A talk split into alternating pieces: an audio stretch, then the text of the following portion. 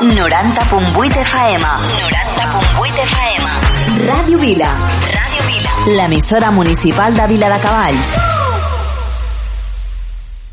Viu la vida sense por. Viu les històries de tots colors. Mil històries que definiran qui som.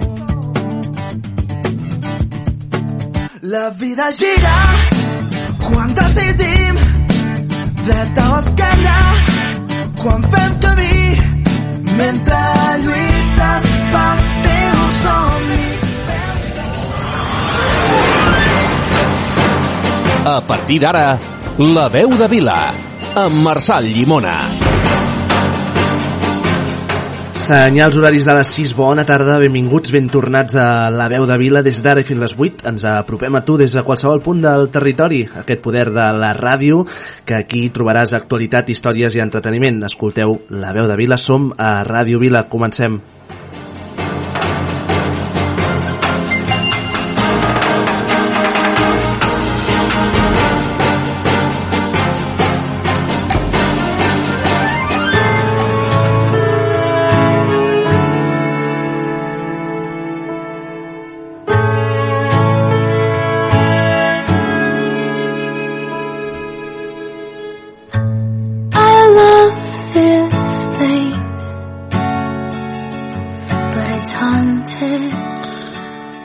pèrdua d'un fill és una de les experiències més doloroses i devastadores que una mare o un pare pot viure.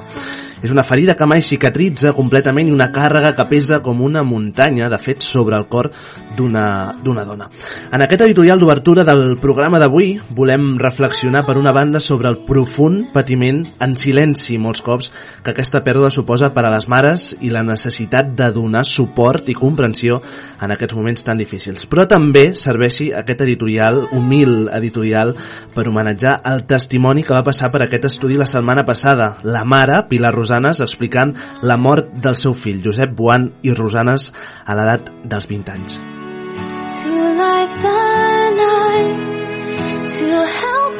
La maternitat, diuen i expliquen qui la viu, és un dels regals més profuns que segurament pot experimentar mai una, una dona. És un lligam inquebrantable que es forja des del moment en què un fill veu la llum per primera vegada els eh, moments de felicitat compartits, les rialles, les llàgrimes i els innumerables, eh, les innumerables nits eh, sense dormir són tota la part de la relació entre una mare i un fill. És una connexió, de fet, única que només aquelles que han experimentat poden comprendre plenament. Però què passa quan aquest lligam es trenca per la pèrdua d'un fill, d'una filla? Les paraules segurament no poden arribar plenament a, ni expressar plenament el dolor que una mare sent en aquest moment. És com si de fet el món s'ensorra, s'atura i deixa al darrere seu una gran buidor i un buit que no es pot omplir. Les preguntes sense resposta, els somnis trencats i la sensació d'injustícia poden ser insuportables. És el cas de la Pilar i el seu fill, el Josep, que ho vam escoltar en aquests estudis la setmana passada. La pèrdua d'un fill no només és una ferida emocional, sinó que també m'atreviria a dir que pot ser físicament i mentalment esgotadora. És important que la societat, sobretot, entengui i mostri empatia envers a les mares, als pares o a les famílies que han perdut un fill. Com a societat, com a mínim, tenim la responsabilitat d'oferir suport i comprensió eh, responsabilitat i, i deure, m'atreviria a dir, d'oferir suport i comprensió a aquestes persones que malauradament ho experimenten. La solidaritat i l'amor poden ser un llum, segur un llum, enmig de la tempesta, ajudant a les mares, aquestes mares, a afrontar el seu dolor i a trobar una manera de seguir endavant malgrat la immensa pèrdua que han patit. Serveixi, doncs, aquest editorial d'avui per homenatjar a la Pilar i al Josep a tantes persones, a tants fills i filles que veuen la seva, la seva vida acabar, a la família i amics, però sobretot a totes les mares, a tots els pares i familiars que viuen aquest dol en silenci. Avui va per totes elles. Divendres, divendres 6 d'octubre, segon divendres d'aquesta tardor astronòmica, malgrat no es noti, són les 6 i 5, benvinguts aquí, a casa, a la Veu de Vila.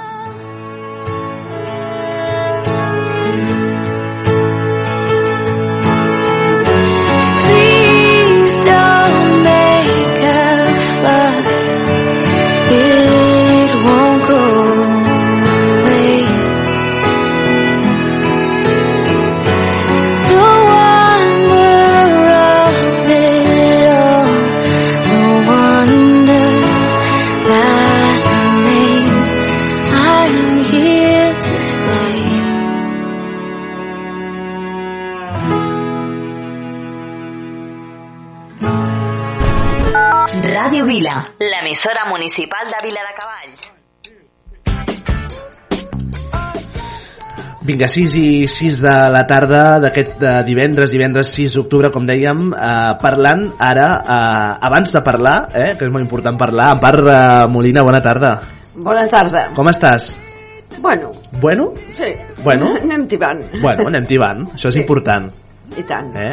Encantats de, de poder-hi comptar un, un cop més amb tu. Uh, Antònia Moscoso, que la saludem des de les zones de Ràdio Vila, que ens escolta des de Girona, encara avui, que és a Terres Gironines, una abraçada infinita a l'Antònia, a la Laura especialment, a tota la família, des d'aquí, des dels estudis de Ràdio Vila de Cavalls, a tots els coneguts, amics i tiets i avis i de tot, escoltant des de qualsevol punt de, del territori una abraçada també a tots ells uh, a veure, públic, bona tarda que avui, déu nhi eh? bona tarda, un cant coral d'aquests Bona tarda tinguem i què més, què més? els pobres, I els rics? el risc que els doni. Vinga, ale. Bona tarda també a, a vosaltres. Uh, 6 i 7, com dèiem, d'aquest divendres, divendres 6 d'octubre. Uh, comencem la tarda d'avui uh, parlant d'un fenomen, uh, un fenomen que són les xarxes socials, no ens resultarà nou aquest uh, concepte, aquesta paraula, aquest fenomen, no? fenomen uh, que donarà per parlar amb moltes tertúlies també aquí a, a aquesta casa, uh, però sobretot ens interessa posar el focus en aquests uh, formats digitals nous, de noves maneres de fer, entendre i emetre també el contingut audiovisual i eh, aquesta televisió del segle XXI eh, de quina manera s'ha adaptat també a través d'aquestes eh, plataformes digitals, de les xarxes.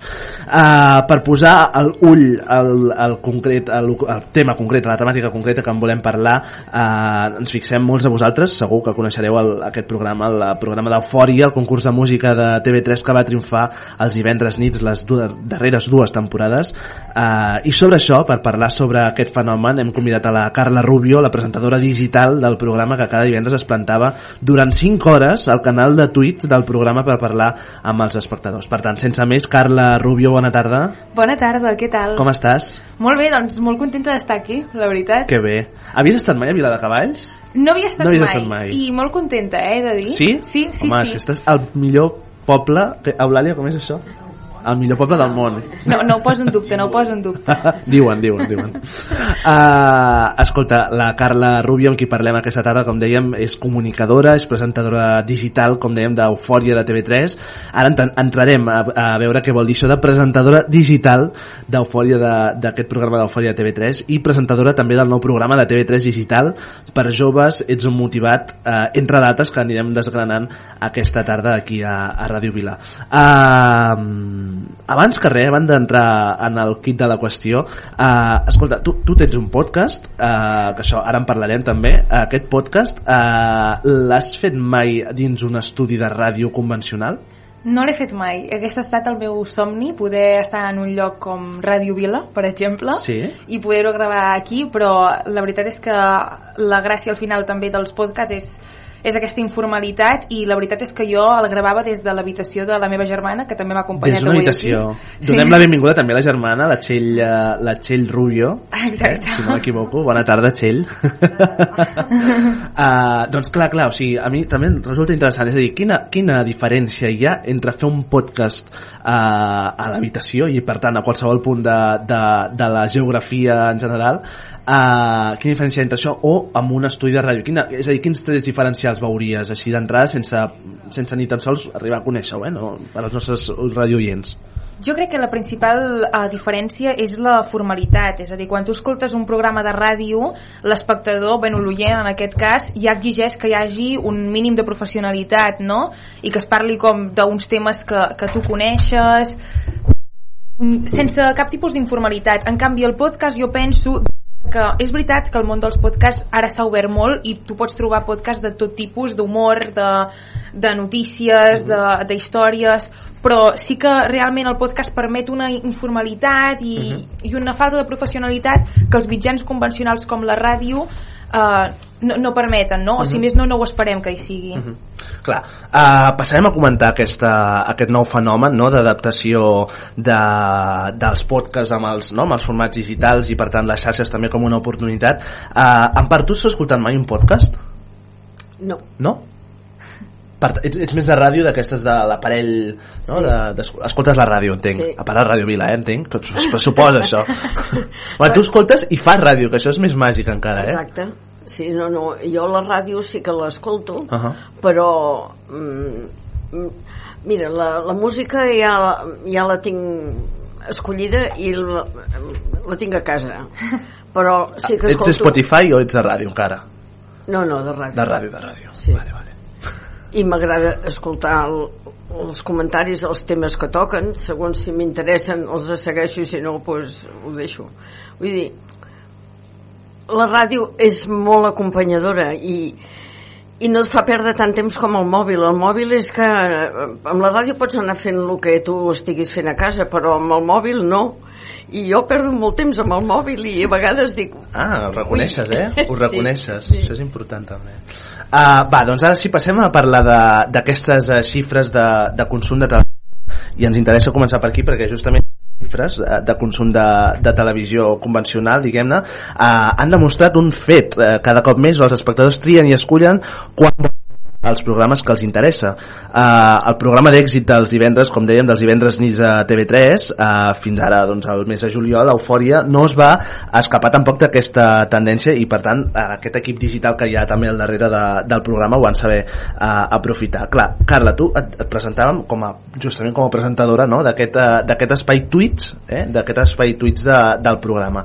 Uh, a Twitch recordem que és aquesta plataforma, eh, que és una xarxa social eh, que també té a veure doncs, amb l'emissió de continguts audiovisuals a través de, no, de, a través dels mòbils i dispositius. Um, Diguem-ne que nosaltres, segurament, jo crec que tots els que ens estiguin escoltant eh, tenen molt al cap, no? segurament, què vol dir eh, eufòria en un format televisiu, eufòria o qualsevol tipus de programa de televisiu, no? perquè és molt fàcil de veure-ho a través de, de la, de la, del mode convencional no? televisiu. Però què vol dir el programa Eufòria eh, justament en un format Twitch i per tant un format digital?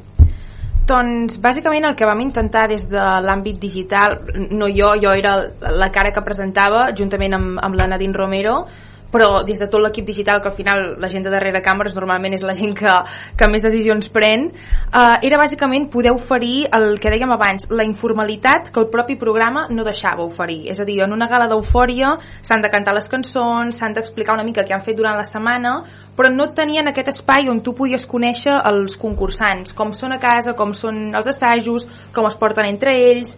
Llavors, des de la part digital el que intentàvem era que l'espectador pogués, pogués conèixer més els concursants i pogués veure'ls en contextos eh, que no fossin un plató de, de televisió, que al final quan tu estàs en un plató en un format de tele en directe tu t'adaptes. Mhm. Llavors, bueno, era com eh, oferir aquesta part que abans no teníem l'oportunitat de veure. Clar, clar, clar. clar.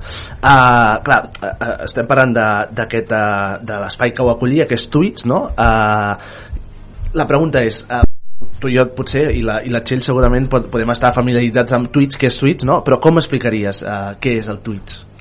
Doncs el Twitch jo crec que mm, és una mica mm, salvant totes les distàncies, Sí. que evidentment n'hi ha moltíssimes, sí. però perquè ens entenguem, seria com una mica la, la, cada cop més la televisió dels, dels joves perquè a diferència de... És a dir, els joves a dia d'avui mirem molt Netflix, Mhm. mirem molt YouTube, però al final tu el que veus a Netflix i a YouTube són coses que ja estan gravades, Clar. que pots parar mitges, que pots recuperar, que pots tornar a veure, i el Twitch, amb el que es diferencia de, del YouTube i el Netflix i amb el que s'assembla més de la televisió, és que és en directe, és una Mhm. persona que tu veus en directe parlant, llavors, de la mateixa manera que si tu vols veure un programa de televisió en concret, has de saber a quina hora i quin dia es Clar. fa, doncs amb el Twitch, si tu vols veure un contingut en concret, te n'has de recordar de quin dia i a quina hora es fa, perquè és aquest format Clar. eh, directe. Clar. Però és mitjançant xarxes socials i a I diferència per de la tant, interactiu.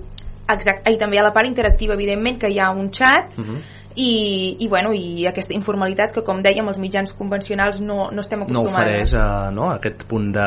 Clar, eh, ara venint cap aquí a la, a la ràdio escoltava una, una entrevista d'un conferenciant nord-americà que eh, feia una reflexió sobre la atenció, no, l'atenció al 2023, és a dir, com captar l'atenció de les persones usuàries no, al, al 2023, en un moment on tenim, doncs, eh, la, ho apuntava, no? tenim eh, dispositius mòbils, tenim eh, no, no? tablets, tot, tot per distreure'ns, però de quina manera ens poden captar l'atenció, no? I, mm, I aquesta persona eh, assenyalava que un dels punts bàsics per assenyalar, no? per, per de cara a captar l'atenció de, de, de la persona que està parlant, no? en aquest cas, és anar a buscar la part emocional, no? la part emotiva de les, de les persones, no?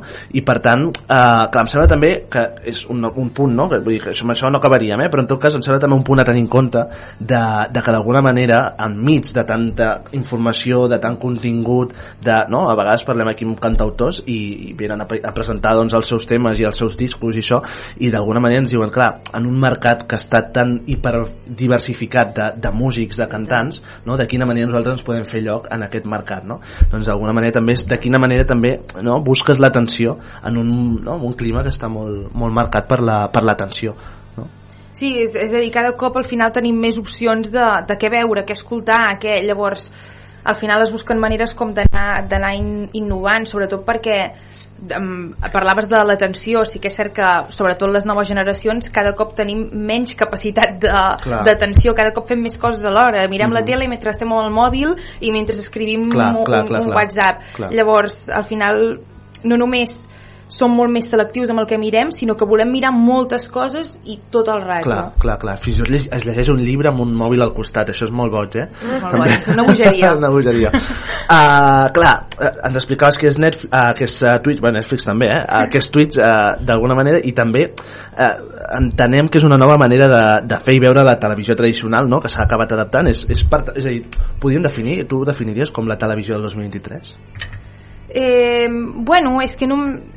Més o menys, és a dir, per, per poder introduir-li algun concepte em sembla Sí. bé, però sí que penso que hem de tenir en compte que Twitch no ha estat creat per penso, és, tot això és Mhm. opinió Sí, personal, sí, sí, sí. però crec que no ha estat creat per substituir la tele. Clar. Jo no crec que la tele hagi de desaparèixer ni la ràdio perquè hi hagi podcast, és a dir, crec que són dos mitjans molt, molt diferents. Mhm. El Twitch poder trau més al públic jove i la televisió al públic més gran, que tampoc ens en podem descuidar perquè Sí, sí, també sí, formen sí, part sí. de la societat i tampoc es tracta de pues, traiem la tele perquè als joves els agrada el Twitch llavors crec que són dues coses diferents i crec que la gràcia és que que són diferents i si en un Mhm. futur continuen m'agradaria que es continuessin Clar. diferenciant amb dues Clar, d'alguna manera és intentar correlacionar les dues, no? El, el mitjà tradicional, que és en aquest cas la televisió, amb un mitjà complementari que pugui també treure nous públics, que seria doncs, les plataformes digitals i... és que jo, jo penso que poden conviure perfectament i em fa Clar, una de mica fet, Eufòria és un clar exemple d'això, no?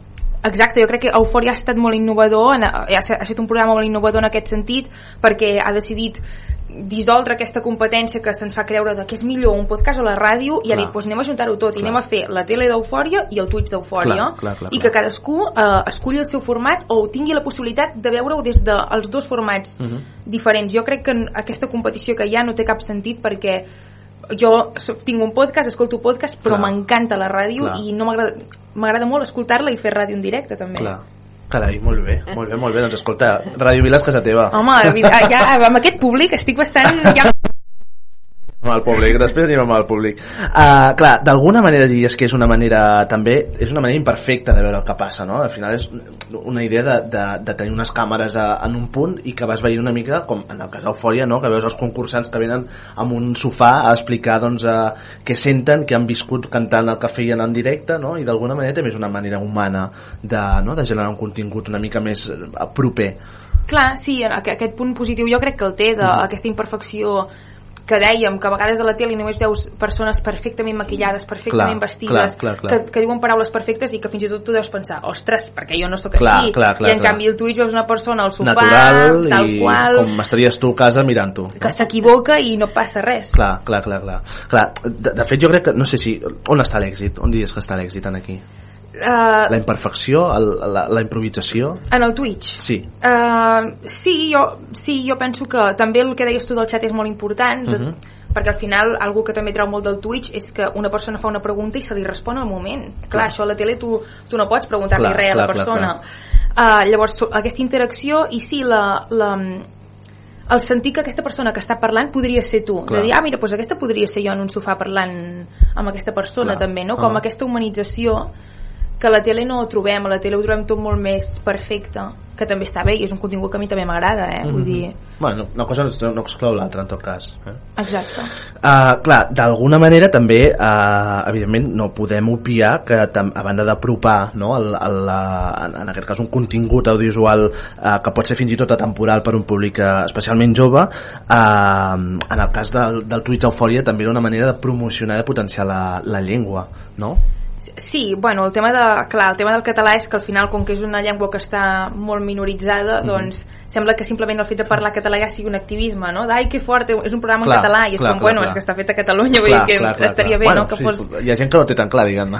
Clar, no, però vull dir que és, és fort com realment, és a dir, jo tota la meva vida he, he parlat català Clar. i he pogut fer la meva vida 100% en català, En català. llavors per mi fer un programa en català no suposa un activisme i em sembla fort que, que, que ho sigui, no? És a dir, és, és un punt a, a reflexionar però bueno, sí que és veritat que al final si una llengua s'ha de mantenir viva Mhm. per això a vegades quan, quan hi ha persones que es fiquen una mica mm, no, de, ostres, el Twitch eh, diuen moltes paraules que en català no són incorrectes o molts castellanismes, és com, bueno, és que si, si només acceptem un català que és perfecte al final també l'estem matant d'alguna manera perquè no el permetem evolucionar i les llengües evolucionen i si volem que la gent continuï parlant català ens hem d'adaptar evidentment no dic de parlar-lo fatal jo intento parlar-lo el millor que puc però apareixen paraules noves, n'hi ha d'altres que se'n van i crec que és algo que hem, que hem d'acceptar per poder-la mantenir Clar, és una mica allò de o renovar o morir, no? Al final Exacte. les llengües també s'aplica aquest criteri, aquesta, aquesta lògica.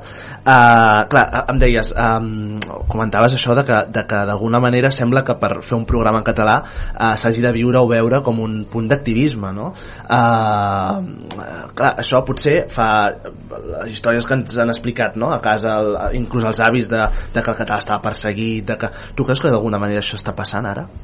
Ostres, o sigui, es- vull pensar que no. Que Clar, no. vull dir, entenc que abans la situació era molt diferent, penso que ara s'ha de lluitar d'un- d'una altra manera, és a Mhm. dir, entenc que abans parlar català significava moltes més coses, jo crec que ara el problema està en que precisament és això, el món està evolucionant i hem de permetre que el català evolucioni també, Mhm. en el sentit de si una persona de 14 anys eh, entra a Netflix i no hi ha cap sèrie en català Uh, és molt complicat que aquesta Clar. persona continuï parlant català perquè cada cop et vas castellanitzant més jo vaig tenir sort de créixer amb el Super 3 i que per tant Mhm. encara se'm normalitzés més però vull dir, si no trobem coses en català mantenir viva una llengua és, és llavors sí que és un activisme Clar, no? clar, perquè clar, és com, clar. la mantenc per què si no m'està servint de res Clar. parlar-la Clar. Uh, ara, puc preguntar d'on vens? Jo vinc de Vic Tu, tu, tu vens de Vic, d'Osona, per tant. d'un poble de la comarca de la d'Osona comarca d'Osona, sí. val. Uh, clar, uh, diguem-ne que la, digue, per, per bé o per mal, jo crec que per boníssim tenim un país uh, especialment divers no? en, aquest, uh, en aquest sentit i per tant la diversitat que ens fa més forts però a la vegada també veus situacions que es donen doncs, en, el, en el cas lingüístic de que una persona d'Osona o de les comarques gironines per, per tirar de tòpics eh?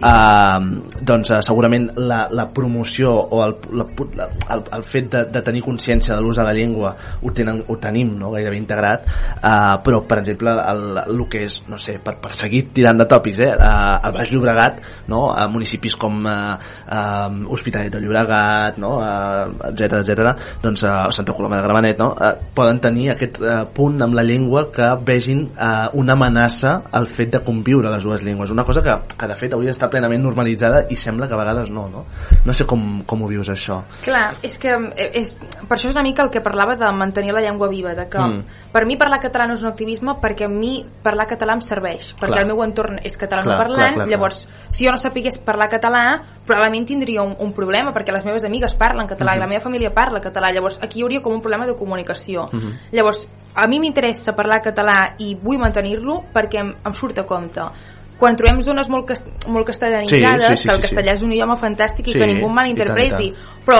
clar, eh, llavors pensen, per parlar català per què? Perquè al col·le fem català? Doncs pues bueno, Clar. no? Llavors, per això és però important... entens el, el fet de, perdona, eh, però Digues. entens el fet de, de que uh, segons qui pugui interpretar això com una amenaça, el, el fet de veure que el català pot arribar a extingir el castellà a Catalunya? Bueno, és que Per això s'ha dit, clar, penso que hi ha molta desinformació també. clar, ho atribuïes a desinformació.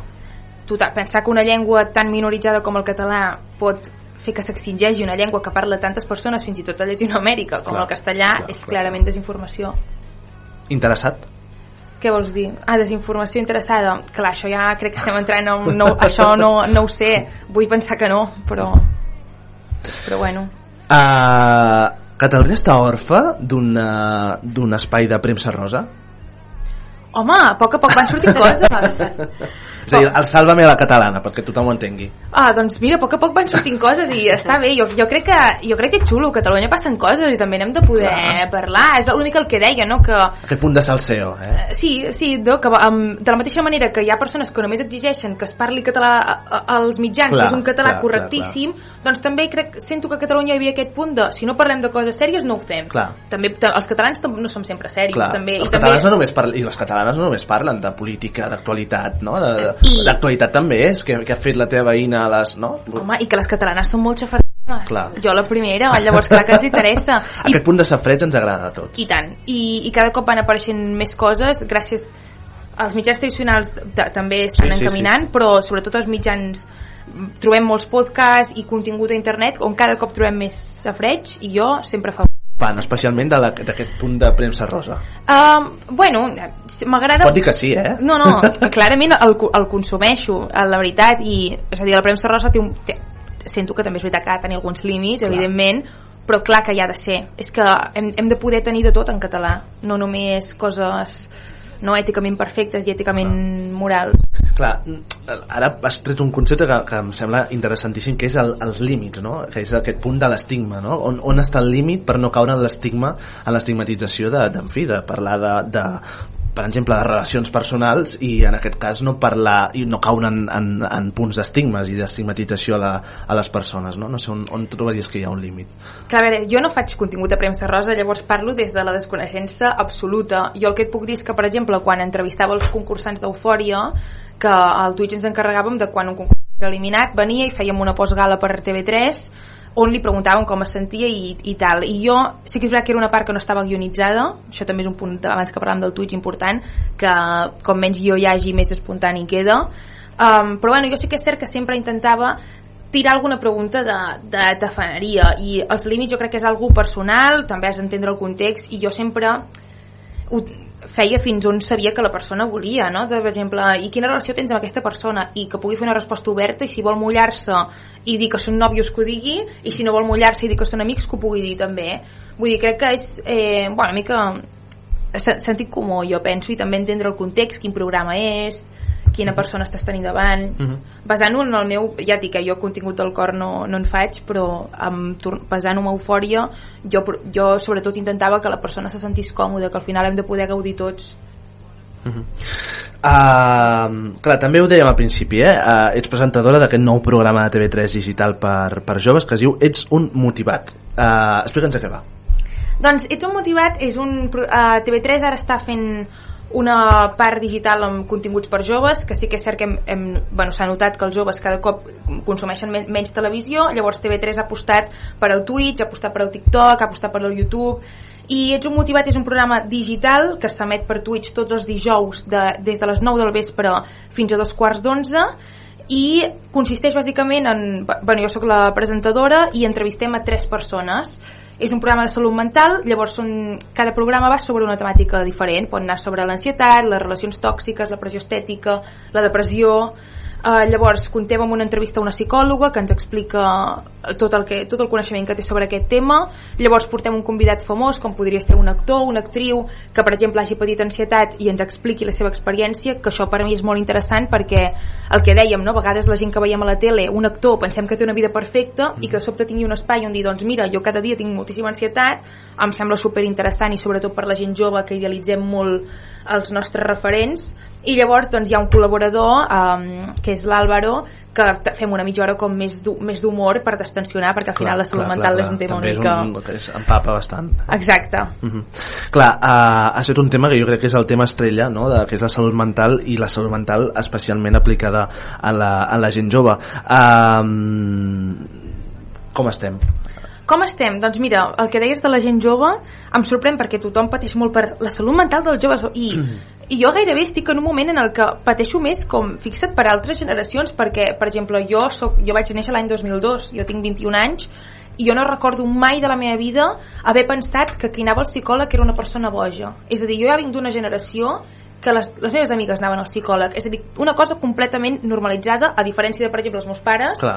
que de, de fet no hi han anat mai perquè han crescut en un àmbit completament diferent. Mhm. Llavors jo sento que els joves, evidentment, la salut mental a dia d'avui és un privilegi perquè costa mínim 50 euros l'hora perquè Mhm. per sanitat pública no s'ofereix gairebé ca- cap ajuda però sí que sento que els joves ens cuidem molt perquè tenim molta més informació sobretot gràcies a les xarxes socials Sí.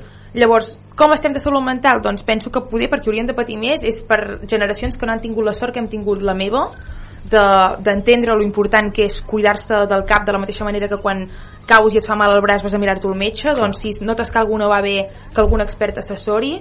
Llavors, bueno, espero que hi ha moltes generacions que, com dic, ho tenim molt normalitzat, espero que puguem arribar a un punt Mhm. on estigui normalitzat per tothom. Clar, clar m'agrada l'enfocament sobretot que, que li fas perquè al final ho ho veus com una oportunitat no? i no com una, com una amenaça no? a vegades eh, la, la salut mental es pot llegir com una amenaça no? i per tant eh, noto que no estic bé i per tant d'alguna manera és una amenaça cap a, cap a mi no? i per tant també convertit en, en positiu si, si detectes que hi ha alguna cosa que, que trontolla doncs ho veig com una oportunitat per anar a demanar ajuda i tenir les eines no? per tant això també l'enfocament jo crec que és molt important Bueno, a l'hora de, de tractar-ho Clar, més que una oportunitat, un dret, no? És a dir, I un imagina't, dret, està clar, està clar imagina't trencar-te un braç i, i, que ning, i que no t'ho puguis curar. Però dic perquè de vegades ens, ens ofusquem molt quan estem malament, quan ens sentim malament i, i també és una oportunitat de dir val, doncs potser necessito ajuda, per tant vaig a buscar l'ajuda no?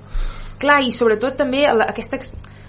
treure'ns aquests petits tabús, no?, de d'ostres, no sobre, de jo, jo puc, jo puc sol, no, no, no necessito l'ajuda de ningú, jo tota la vida me n'he sortit, doncs Clar. no, i és com, bueno, ostres, però bé que si tens febre te n'en surts sol, però si arriba un moment que amb els ibuprofenos no en tens prou, vas al metge i, i dius, a veure, passa alguna cosa, doncs si de sobte se t'acumulen molts problemes i sents que se t'està anant de les mans, no és, no és de debilitat, al contrari, per mi no hi ha cosa de més valentia que admetre que necessites algú que t'estigui ajudant que és el mínim, que un especialista et pugui atendre. Clar, això és molt important també, no? No sé quin missatge donaries a algú que pugui estar en un punt de- de- d'ofuscament, de, de, no? de, de, de, un carreró sense sortida a vegades que no sap què fer, algú de, de 20 i pocs anys o 20 i molts anys, o en 30 o, o inclús amb 50 o 60, no? A partir de l'experiència, a partir del que has vist també. Uh, doncs, doncs això, que les coses hi són per algú i els psicòlegs existeixen perquè, perquè la gent els necessita Mhm. si no, no hi serien. Llavors és molt important no, no, no és cap acte revelador demanar ajuda, mai ho ha estat. Llavors crec que és important treure'ns aquestes coses i, i doncs això de la mateixa manera que si tenim mal de cap anem a la farmàcia, anem al metge doncs doncs el mateix, si hi ha alguna cosa que no sabem gestionar, si notem que estem canviant o que de sobte ens ha canviat molt la vida i se'ns està escapant de les mans, doncs, doncs podem assessorar i també perquè clar, està molt bé tot aquest activisme que estem fent i jo ho dic sempre al programa a mi m'agrada molt dir cureu-vos de la salut mental, però clar, no m'agrada gens adonar-me'n que és això, que val mínim 50 euros l'hora, que és una bajanada Clar, clar, clar. llavors seria important que des de la sanitat pública això estigués molt més solventat Uh -huh. Uh, clar, uh, abans parlaves una mica de, i tornant al, al programa al, al programa aquest digital de, de TV3 uh, ets un motivat uh, com, com veus TV3 actualment? televisió pública Uh, doncs veig TV3 en un moment de, de, de canvi, crec que estan innovant uh, i jo estic molt, molt contenta de formar-ne part de tot això, la veritat. Uh -huh. Crec que ja era hora, no?, perquè el, el món canvia, a vegades ens, ens costa d'en- d'entendre-ho, però la, el món està canviant i és important adaptar-nos a això i al final TV3 també ha estat creat principalment per mantenir la llengua. Llavors el que no, si, si TV3 no evoluciona la, la llengua també es queda estancada. Clar. llavors de sobte trobar continguts a TV3 de TikTok, a YouTube és una manera de que la gent jove trobi continguts en català i super a favor Clar. i, i super Bueno, necessari d'alguna manera també adaptar-se no, a aquests nous temps que deies que, que puguem tenir tot, tot el contingut a l'abast i... clar, uh -huh. uh, tens un podcast sí Tranqui, jo també mm. Jo, bueno, uh, de, clar, de, de què va i, i de quina manera com, com sorgeix no, aquest, uh, aquest podcast Doncs el Tranquillo també és un podcast que jo feia molt temps que tenia moltes inquietuds a nivell comunicatiu, sentia que volia provar per aquí, però de la mateixa manera que tu vas decidir doncs, picar a la a Ràdio Vila i, Mhm. i muntar aquest programa fantàstic, doncs jo uh, vaig decidir fer el podcast, el que us he dit, a l'habitació de la meva germana, amb les meves amigues de convidades i parlant sobre temes que que, que a mi m'agradaven i que jo ja entenia que al ser una persona jove doncs anem a parlar de l'amistat, anem a parlar de l'amor anem a parlar de... Sí, sí, i sí, sí. sempre amb la base de, de l'humor Mm -hmm. i, i res, i vaig començar a fer una difusió per, per TikTok va agaf... gràcies a fer una difusió per TikTok es va donar a conèixer molta gent i a nivell de números i oients la veritat sempre va anar molt bé i m'he sentit molt acollida en aquest aspecte i sí que és cert que vaig haver de tancar la, la temporada la vaig començar a l'octubre del 2022 i vaig haver de tancar la primera temporada al gener de 2023 perquè gràcies al podcast um, TV3 em va veure i em va trucar per Eufòria i clar, tantes coses, jo soc, jo soc universitària llavors tantes coses, un dia de vegada 24 no. hores i a vegades ens n'oblidem Clar. llavors es va acabar aquí però um, espero que d'aquí no massa pugui sortir la segona Què estàs estudiant ara, Carla? jo estic estudiant el doble grau d'educació infantil i primària. Sí, sí, un, eh, un, un plot twist, eh? Déu-n'hi-do, déu nhi déu uh, Estàs disfrutant el que fas, per això? molt, molt, molt, estic molt feliç i molt contenta, la veritat Que bé. Uh, 6 i 35 de la tarda, en part, anàlisis, comentaris. Jo, aviam, amb una avalanxa d'informació que no has, has vist una notícia que ja te'n posen una altra i una altra i una altra no es deshumanitza una mica en, en quin sentit? amb que no pares amb, amb el que aquella persona pot sentir eh? No, profu- no es pot profunditzar vull dir, tot és molt superficial Totalment, totalment, en part tens tota la raó. Jo penso que la part negativa de les xarxes socials és precisament aquesta, que no, no ens n'adonem que darrere hi ha persones. és clar Eh, però sí que és cert que també amb la, amb la tele això passava, perquè jo me'n recordo amb la meva iaia mirar la tele i que sota la meva iaia digués, ai, aquesta presentadora què li passa? No? I, i, I la critiques i no passa res i al final tampoc l'estàs humanitzant però aquesta presentadora no, no se n'adona que tu l'has criticat des de casa seva en canvi les xarxes socials sí que tenen aquesta part negativa de que hi ha gent que veu un vídeo d'una persona que no li agrada i li comenta tu no m'agrada gens i aquí ja hi ha un punt de, que la persona llegeix i, i efectivament diu, ostres, se m'està deshumanitzant llavors completament, a més com que veiem tants continguts clar, per nosaltres són simplement això, continguts. No tens temps d'aprofundir. Exacte, és molt tot, vinga, vinga, de pressa. Clar, clar, clar, no hi ha, temps, no hi ha gaire temps de, no, de Vivim reflexionar. molt de pressa, tot és molt ràpid i, i clar, nosaltres que som d'una generació que anàvem molt més tranquils doncs no ens hi conformem amb això jo vaig al meu ritme Això està fantàstic. clar. i jo ho envejo jo ho envejo perquè vivim la, nostra, la meva generació amb una impaciència de Ui, tant. um, com que tenim tant per triar és, és, és horrible és a dir, Sempre clar, aspirem a més, no?, d'alguna manera. Exacte, i jo això a vegades, eh, la meva mare m'ho diu, diu, jo de petita tenia dos canals de televisió. Clar. Aleshores, o mirava això o mirava això, i quan tens tant per triar, a vegades estàs una hora anar, anar triant mentre fas mil coses alhora Clar, perquè clar. no, no sabem no fer res. O fer les coses a poc a poc, també ens costa molt. Ens costa aprendre, eh, a, a fer les coses lentes Sí. i tenir una certa pausa, eh? I és la forma de disfrutar de lo que estàs fent perquè d'aquesta manera sembla que sí que estàs molt actiu i molt bé però a, a la llarga això esgota Completament. Completament. És, és una de les coses amb les que més hem de treballar. I de fet, eh, la, no vull generalitzar, però sí que és cert que cada cop els joves llegim menys, a diferència de potser el que es llegia abans, en part també perquè llegir un llibre requereix d'una capacitat de concentració i d'una lentitud a la que no estem acostumats. Pensem que, és a dir, hi ha molta gent, i m'incloc, que mirar una pel·lícula d'una hora i mitja a mi depèn de com em pillis se'm fa una, se'm fa una muntanya. Perquè penso, ostres, una hora i mitja només fent això?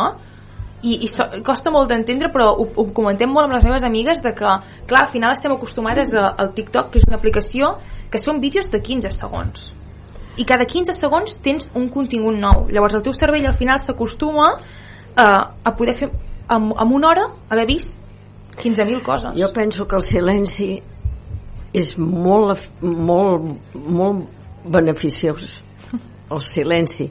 No et diré que hagis de fer un silenci molt llarg però de tant en tant viure en silenci és una passada perquè també tens temps de reflexionar perquè de la manera que es viu pues, em sembla que de pensar pensar no es pensa gaire vas molt així ens va, així ens va, eh, a vegades. Uh, clar, ara, ara no ho veieu, però estàvem parlant d'immediatesa i coses i moltes coses a fer. Ara estem a l'altra banda, eh, uh, de, la, de la ràdio. Uh, a veure, um, Isabel, Bona tarda. Bona tarda. Com estàs? Bé, bé, bé. Ara feia temps que no et veiem aquí. Sí, bueno, ja m'he recuperat. Ja t'has recuperat, benvinguda. Sí, Benvinguda. molt bé, gràcies. Escolta'm, uh, quantes hores de televisió consumeixes tu al dia? bueno, durant el dia poso la tarda la novel·la. El Tot es mou no. Sí, també. Tota, sí, estones. Però a la nit no. A la nit el telediario i després poso ja pel·lícules també. Pel·lícules. Net Netflix, eh? Sí, Tenia consumeixes plataformes digitals. sí, sí, sí. I el Twitch el gastes o no? No. El coneixies, el Twitch? no, no, és que no és de la meva època tampoc. No, Netflix tampoc. Bueno, però te l'han posat allà tan còmode, no?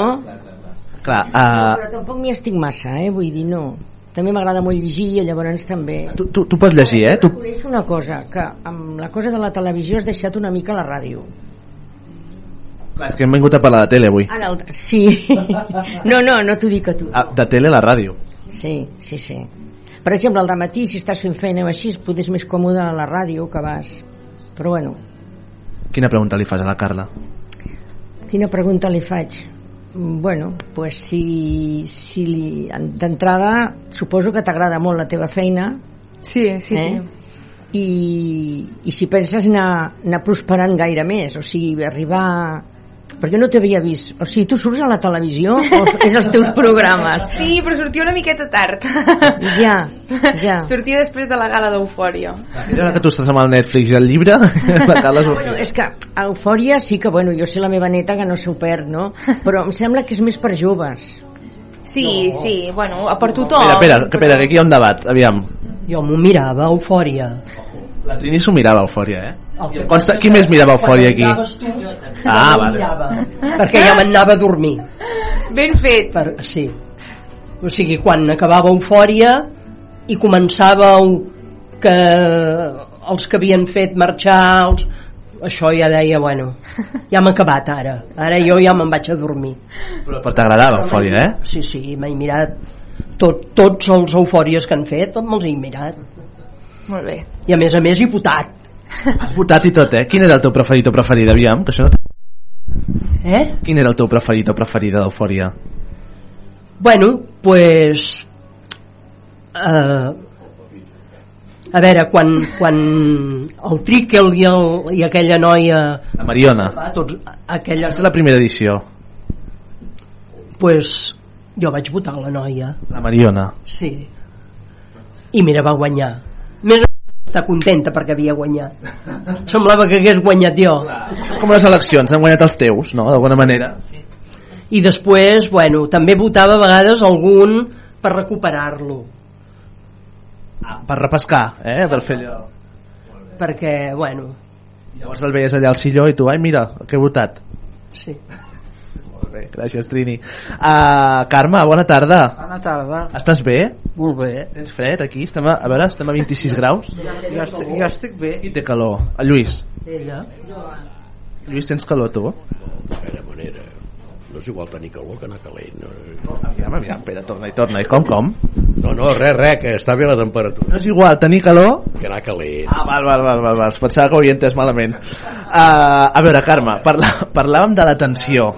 Parlàvem de l'atenció. Clar, uh, la Carla deia, uh, a mi, ostres, sembla que, o a mi o en general, eh, que costi més llegir un llibre per la concentració. Tu pots llegir un llibre. I tant. M'encanta llegir. So... Mira, i, i ara aquesta setmana eh, he disfrutat molt. Bueno, és que a mi em relaxa i, i moltes vegades segons que llegeixo hasta ploro, eh? Amb el, Ah, sí, eh, perquè t'hi poses, t'hi poses. et poses a la pell una mica de, de lo que estàs sí, a mi m'encanta llegir molt, llegeixo molt Què li preguntes a la Carla?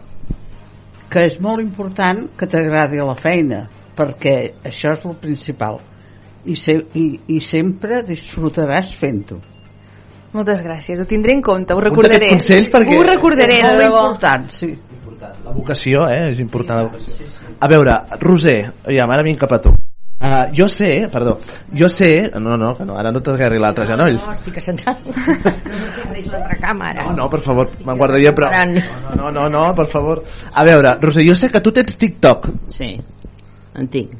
El que passa que m'a- m'atabala perquè mires una cosa i al cap de dos minuts ja no està. La Carla està flipant, em sembla. M'encanta que tinguis TikTok, Roser. I cada quan l'utilitzes? Ui, el miro de tant en tant, eh? no el miro sempre. Bueno, No, no he, fallat, no he fallat, ho dic la veritat. Ah, sí que miro. I el que has dit abans, que tu per tu mirar una pel·lícula era perdre el temps, Ei, ei, ei, No. Jo no he dit això, eh, Què has Roser? dit? Aclarim-ho, aclarim-ho. He dit que m'encanta mirar pel·lícules, però per culpa de, de continguts com el TikTok, que són tan ràpids, cada vegada, no per voluntat pròpia, però que ens costa més perquè una hora i mitja ens sembla molt. Perquè tenim masses inputs, no? Bueno, i llavors quan acaba el dia, eh, i dius, bueno, a veure, tot el dia què he fet? El resultat de tot el dia, quin ha sigut? En totes les coses que has arribat a fer, perquè has fet mil coses. Què vols dir? Què, què, he fet, què faig en tot un dia? No, quan ha arribat la nit, que me'n vaig al llit, me'n vaig a dormir ja, i ja està, ja tanco ja, perquè estic agotada. Si no penses mai al final del dia, quin ha sigut el resultat que he tingut? He fet TikTok, he fet lotes d'això, he fet... I al final, què? Home, doncs, doncs res, doncs a descansar, no?, al final Sí, del dia. Però mm, realment eh, dius, doncs pues mira, he fet això, he fet l'altre, mira avui que bé m'ha sortit el dia. Perquè les connexions i tot n'han sortit bé. Hmm. O no. Sí, sí, sí, fas, fas balanç i si en general va tot bé, que esperem que sí, Ah. doncs, doncs amb, amb una alegria al llit. Eh, Nosaltres no fem tot això, ni fem, fem mirem teles, i fem labors, i fem coses, però al cap del dia dius, mira, he fet una, una onda nova, o he fet qualsevol cosa, o anat a visitar qualsevol, cosa, qualsevol persona. Sí, sí, sí, doncs una mica això. Sí, doncs és això. Doncs molt bé, Roser. Bueno, segueix amb aquest any- ànim. Molt Moltes molt bé. gràcies, Roser. Lluís, a, jo, jo no sé si preguntar-te... Uh, a veure, el Twitch per descomptat tu no sabies el que era. No, jo, jo no tinc, no tinc ni tuit ni res, no tinc mòbil d'aquests moderns ni res de res. I vic, visco com un rei. Aviam, jo sóc del Terrós. Jo sóc del Terrós, vi- vinc del Terrós, no?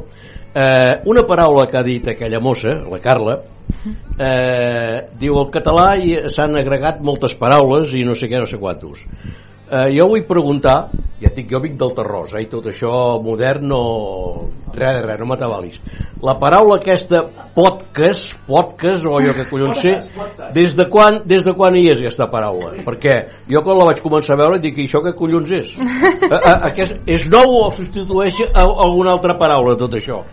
No, no, jo la pregunta... La pregunta, Carla, endavant. Eh, és una paraula nova perquè és un format nou i clarament no és catalana. Vull dir, a vegades els catalans fem això que agafem paraules d'altres llocs. Però què cony vol dir això, podcast? Eh, no, el, el que vol dir la paraula en si no en tinc ni idea. El que... Ja, ja anem bé, ja anem bé. No, no, anem bé. Clar, el, el podcast és el concepte que se li dona a lo que és uh, no? un contingut... Què vol dir això? Cast ja sona una mica com si fos casting, algo de casting, no? Cast. Eh, bueno, és que és una paraula, entenc anglesa, no, Meritxell? Sí, sí, eh, és una paraula anglesa, um, sincerament, jo sé, sé que fa referència, però la paraula en si no... Mira, No anem a llegir de la RAE, Real Academia Española, que això no falla. Emisión, podcast, emisión de radio o de televisión que un usuario puede descargar de internet mediante una suscripción previa y escucharlo tanto en una computadora como en un reproductor portátil.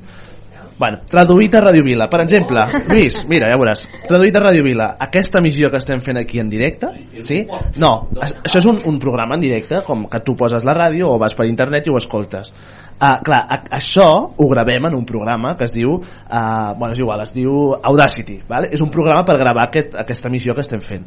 Això, aquest, aquest fitxer que es genera del programa que hem fet de 6 a 8 de la tarda, uh, hi ha una plataforma que tu penges a internet, penges aquest contingut i el penges. I llavors això se'n diu podcast, que és el contingut de la ràdio que penges a internet i que tu pots reproduir en qualsevol moment, en qualsevol hora. Tu pots recuperar un programa d'aquest programa del 2017, per exemple, perquè també està penjat.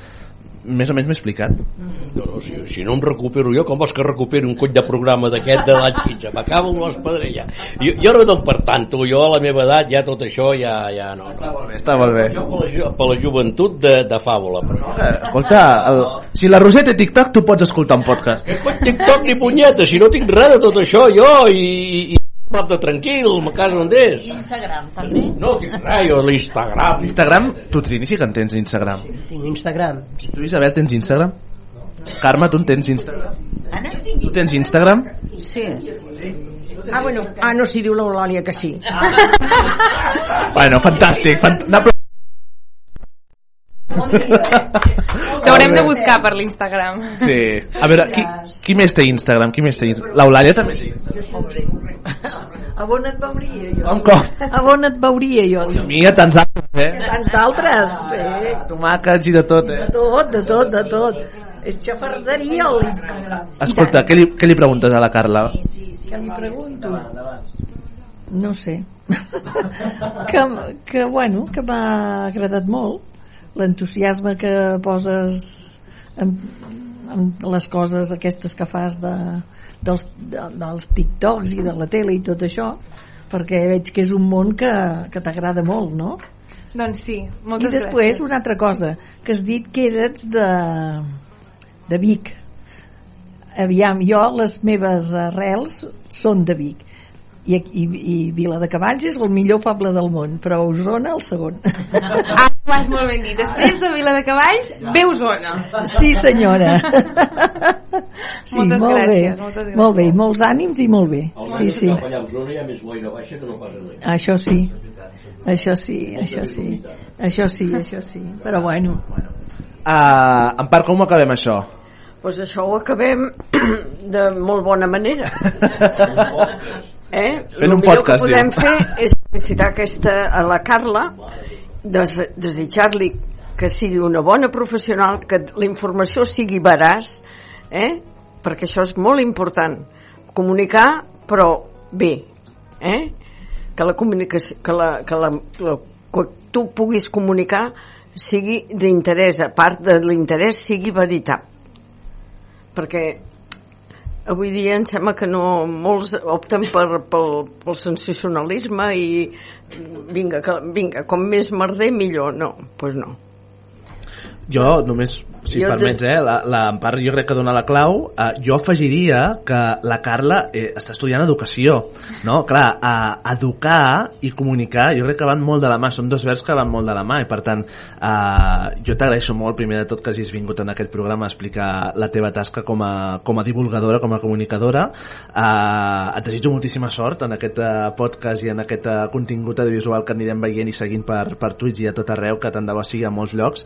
Eh, però sobretot aquest, aquest eh, no? Jo llegia l'altre dia que, que qui s'atreveix a educar també d'alguna manera doncs, ha, ha d'estar en constant eh, aprenentatge no? per tant eh, endavant les atxes eh, Carla Rubio eh, moltíssimes gràcies per ser aquí molta sort, molts èxits endavant amb aquest, eh, amb aquest futur brillant que segur que t'espera pel davant i en fi, molts èxits Moltes gràcies a, a vosaltres, m'ha encantat venir aquí, uh, m'ha encantat conèixer-vos de veritat i bueno, és un programa fantàstic, molts d'èxits, de veritat. fantàstic, Moltes gràcies. casa vostra. Gràcies Txell, que vagi molt bé.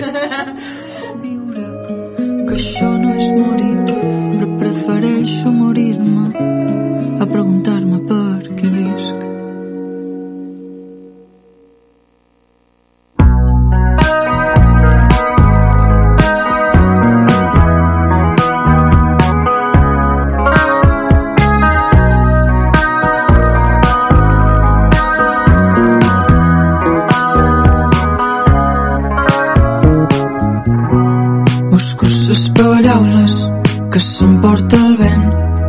Busco les brutícies que digueres fa temps. Busco les mentides, les frases fatals. Busco les ferides amagades pels anys. Busco tes mirades, punxants i brutals. Tes pors reprimides que se l'amor però fa mal. I ara m'enyoro de tots els nostres dimarts que em fa por que m'oblidis que res va ser i res serà. He comprat un altre ampolla de vi i a fumar fins que el meu cap ha desistit que això no és viure que això no és morir però prefereixo morir-me a preguntar-me per què visc.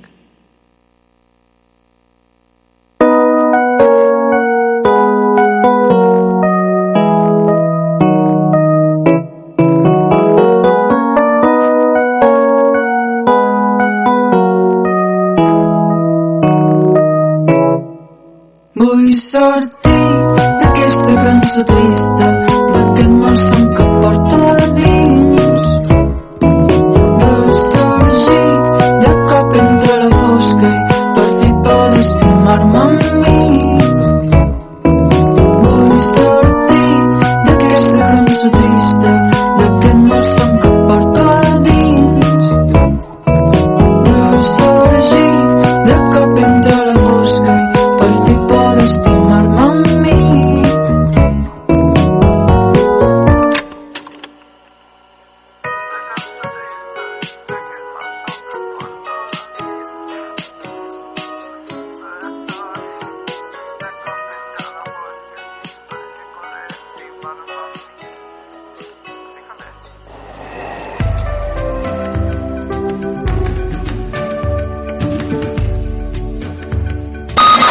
Radio Vila.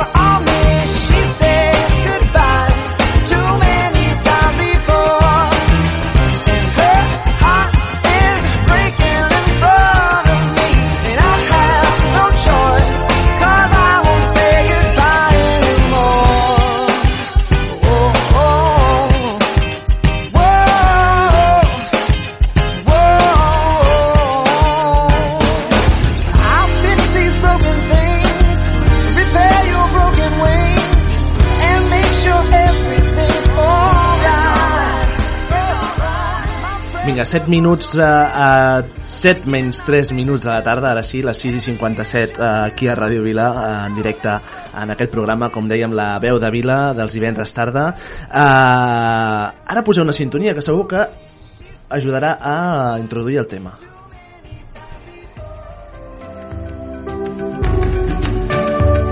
Clar, uh, ara segur que tothom sap de què va. Uh, amb múltiples, múltiples Uh, en múltiples tertúlies, dèiem, diverses tertúlies, debats electorals fins i tot, uh, però sobretot agendes públiques, uh, sentim a parlar del canvi climàtic, de l'emergència climàtica, uh, però aquesta tarda, ara a continuació, ens interessa uh, entrar, uh, mira, i a més amb l'argot meteorològic, uh, a l'ull de l'huracà, no? ens, ens interessa entrar en aquest ull de l'huracà uh, i anar a l'arrel de, de tot plegat. El nostre clima, uh, com tenim el clima i l'evolució d'aquest. Uh, per fer-ho contem amb un dels meteoròlegs de referència de casa nostra. Ell és, en, uh, de fet, una de les cares visibles dels serveis de meteorologia de, de Ràdio Televisió Espanyola aquí a Catalunya. Sergi Lores, molt bona tarda. Què tal? Molt bona tarda. Com estàs?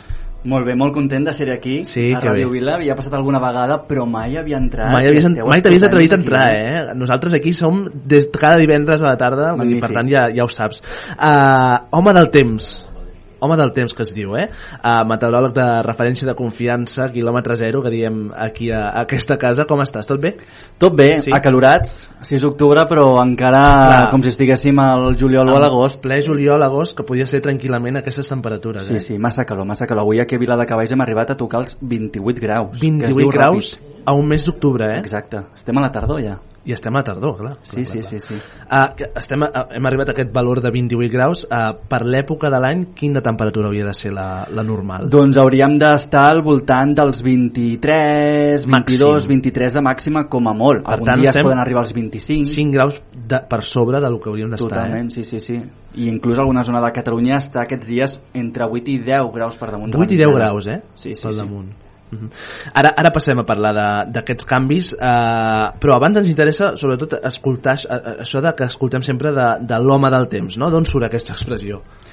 Bueno, home del temps, eh, tota la vida s'ha conegut doncs, eh, com l'home i la dona del temps. Sí que és cert que últimament s'ha utilitzat ja més el concepte també de, de meteoròleg. Abans el concepte de meteoròleg no era, tan, no era tan sonat, però sí que ja en aquests últims anys doncs, escoltem més parlar de, de conceptes més tècnics. Abans era l'home, la dona del temps, eh, la que s'encarregava doncs, explicar-nos cada dia davant de la televisió doncs, eh, quin temps faria demà, si un cel variable, si un temps eh, doncs, tranquil i assolellat. Això ha anat canviant. Jo crec que en els últims anys eh, la persona que fa el temps doncs, s'encarrega d'explicar la previsió d'una manera una mica més tècnica, més entenedora. Ja no només explicar el temps que farà, sinó el per què farà aquest temps, no? I això és el que ens agrada, si més no, aplicar quan fem la previsió del temps i, i és el que s'ha anat treballant jo crec en aquests últims anys eh, en el món de la meteorologia tant els homes com les dones del temps actualment doncs, potser també es coneix més com a, com a meteoròleg o, o meteoròloga que, que n'hi ha moltes també Clar. Uh, ara això potser és com preguntar-li a mon pare uh, quin dels quatre fills uh, prefereix, però en tot cas, quina és la teva estació preferida de l'any? Estació meteorològica, diguem. Doncs mira, quan era més petit m'agradava molt l'hivern, pel fred, eh, per la neu, però ara et diria que m'agrada molt la primavera, perquè tenim aquests contrastos eh, de temperatura, tant ens pots fer fred eh, com calor, com fer sol, com ploure, com veure l'arc de Sant Martí, com tenir una tempesta, tot pràcticament el mateix dia, amb poques hores de diferència. I, I sí que és cert que des de que visc aquí a Viladecavalls, la primavera m'agrada més Mhm. perquè abans vi vivia a ciutat, ara visc aquí al poble i jo crec que la primavera aquí es viu diferent al camp, en plena naturalesa Clar, clar, i, clar, clar. i li he trobat un altre sentit Ah. a aquesta estació i m'agrada molt la primavera Uh, clar, deies, el, quan era petit m'agradava l'hivern perquè feia fred. Ara no sé si els hiverns fan el mateix fred de quan eres petit. aquesta no? és l'altra ara ja no tenim el fred que, que teníem abans si més no, mm, no no ho diem nosaltres com a, o, o la gent del carrer que pugui Sí, sí, tenir la sí, percepció sinó el que ho diuen són les dades les dades eh, climàtiques que són, són números científics en aquest cas són resultats eh, ens evidencien doncs, que, que hi ha una, un canvi climàtic eh, doncs ens evidencien que a dia d'avui fa menys fred, les temperatures són més altes als estius, a la primavera, a la tardor, però també als hiverns. Per tant, no ho diem nosaltres, ho diuen les dades científiques que, que això és així. I per tant, és, una, és un fet verídic. Ja. Clar, de, deixa'm entrar ara en el discurs aquest, de, per exemple, de l'extrema dreta, no? d'aquest negacionisme climàtic eh, que neguen l'evident, no? perquè al final tu, tu parles i dius és que no és opinió, és informació, per tant són dades científiques corroborades i que són, són estudis eh, diguem-ne que estan, estan elaborats a partir de la, de l'anàlisi, no? per tant aquest de discurs eh, que va una mica en contra doncs, el, que, el que és evident no? i per tant negant el canvi climàtic de que passen fenòmens meteorològics canviants, etc etc etc. Uh, que, que, com, com ho rebats això, no? Si és que es pot rebatre d'alguna manera. A veure, costa una mica de... A mi no m'agrada seguir el joc a aquesta gent perquè bàsicament és donar-li... Bola. Bola a una sí. cosa que realment no, no té un caire científic al darrere. Llavors, jo penso que són persones que, que veuen que hi ha una realitat en aquest cas i potser no som suficientment capaces d'acceptar-la i, i en aquest cas doncs, hem de ser conscients de que hi ha un canvi, de que hi ha una, una emergència climàtica i, i jo penso que no podem donar-li l'esquena a aquesta, a aquesta emergència que tenim uh, actualment. Jo per mi és que sistemàticament porten la contrària tant si és una cosa com una altra. Clar, llavors eh, és això, no? Hem d'intentar doncs, eh, trobar-li sentit mm -hmm. i jo crec que, que, que, que l'emergència climàtica, com, com us deia abans, no, no ens l'estem inventant nosaltres, hi ha unes dades científiques que evidencien que a dia d'avui eh, el planeta està gairebé doncs, a 1,2-1,3 graus més càlid de l'habitual. Mm. val? és a dir, mm, aquí al Mediterrani inclús aquest escalfament encara és més eh, pronunciat, és més, és més intens. Aquí a Catalunya crec que estem gairebé ja eh, pròxim als dos graus per sobre de la mitjana climàtica de, sí. dels últims anys. Uh -huh. Per tant, és una realitat, és una realitat que jo crec que, que no les estem inventant nosaltres, sinó que les dades ho, ho constaten. Mm. Clar, Sergi, tu quan, des de quan et dediques a la, a la meteorologia? Doncs mira, dedicar-m'hi, dedicar-m'hi des dels 18 anys. Mira, dic quan els mitjans de comunicació. Sí, sí, ara en tinc 32. 32. Però com a passió des dels 10, 11, 12 anys que la tinc. Vull dir, des d'aquesta edat doncs mm, t'agradava o m'agradava molt doncs, observar les tempestes, fer seguiment de, de les pluges, quan hi havia situació de nevades a cotes baixes, era, bueno, per mi era una bogeria, veure tota la nit despert, mirant per la finestra i encara ho faig, eh? Sí, eh? això, això no es perd. És no, la màgia del Nadal, no, eh? no, no, encara, encara ho segueixo fent, sí, sí. Uh, clar, en aquests uh, molts anys no, de, de trajectòria, ja no només professional, que també, sinó a nivell doncs, de, de gust, no? de, de, en fi, de, de, de, de passió, perquè al final esdevé una passió, i per tant felicitats perquè mm. al final has convertit una passió en la teva professió de, del dia a dia, no? Uh, clar, que, no sé què és el que més t'ha pogut impactar en quant a fenòmens meteorològics en els darrers anys, allò que recordis especialment. A mi el que m'està sobtant més en aquests últims anys és eh, veure fenòmens cada cop més extrems i fora d'època fins i tot perquè abans, bueno, nevar mm, nevava a l'hivern, ara potser ens podem trobar una nevada a l'abril o ens podem trobar una onada de calor a l'octubre, per exemple, a les Illes Canàries aquests dies, sí. o ens estem trobant doncs això, fenòmens fora una mica de, de, de joc de temporada, clar, clar, clar. a l'octubre hauria de ploure és el mes més humit clar. de tot l'any, uh -huh. aquí per exemple enguany no portem ni una gota veure aquests eh, canvis sobtats, aquests fenòmens tan extrems i fora de temporada i sobretot també veure la severitat i la freqüència d'aquests fenòmens uh -huh. que s'estan donant doncs la borrasca Glòria, la borrasca Filomena tots aquests temporals que hem tingut de forma mm, repetida durant aquests últims anys i que ens han marcat molt uh -huh. eh, aquí a casa nostra doncs és la tendència d'ara i, de, i, de, i del futur, cada cop en tindrem més. I a mi això és el que m'està sobtant més perquè bueno, anys enrere no, no recordo tanta, tanta severitat en, en aquests fenòmens. I ara jo bueno, recordo el temporal que ens va deixar la borrasca Glòria el, 2000, 20. el 2020 exactament doncs bé, vull dir jo aquelles ventades tan sostingudes durant tanta estona a mi em van impactar, anàvem al cotxe ja tremolant perquè Clar. se t'emportava vull dir, pràcticament teníem una situació de, de, de clima tropical que es viu en altres llocs del món, no aquí uh -huh. per tant, aquests canvis que, que cada cop seran més, més freqüents, més aquests freqüents. fenòmens i més, sí, més intensos eh? La freqüència, la major freqüència d'aquests fenòmens l'hem d'esperar. No són fenòmens nous, perquè són fenòmens que s'han donat doncs, anys enrere, fins i tot fa molts anys enrere, però la tendència és que aquests fenòmens cada cop siguin més freqüents i, i es donin doncs, això de, de forma inclús més severa en el nostre territori. Per tant, en un futur esperem això, que aquests fenòmens, com els que hem viscut durant aquests últims anys, es donin de, de forma més repetida, onades de calor també doncs, eh, més intenses, més perllongades, més freqüents, i com bé dèiem, fora de temporada ja només a l'estiu, sinó també a la primavera, uh -huh. fins i tot de cara a la tardor. Clar, a l'hora de, fer, de fer una previsió meteorològica, Sergi, eh, què és el que cal tenir en compte i sobretot què és el més difícil de preveure?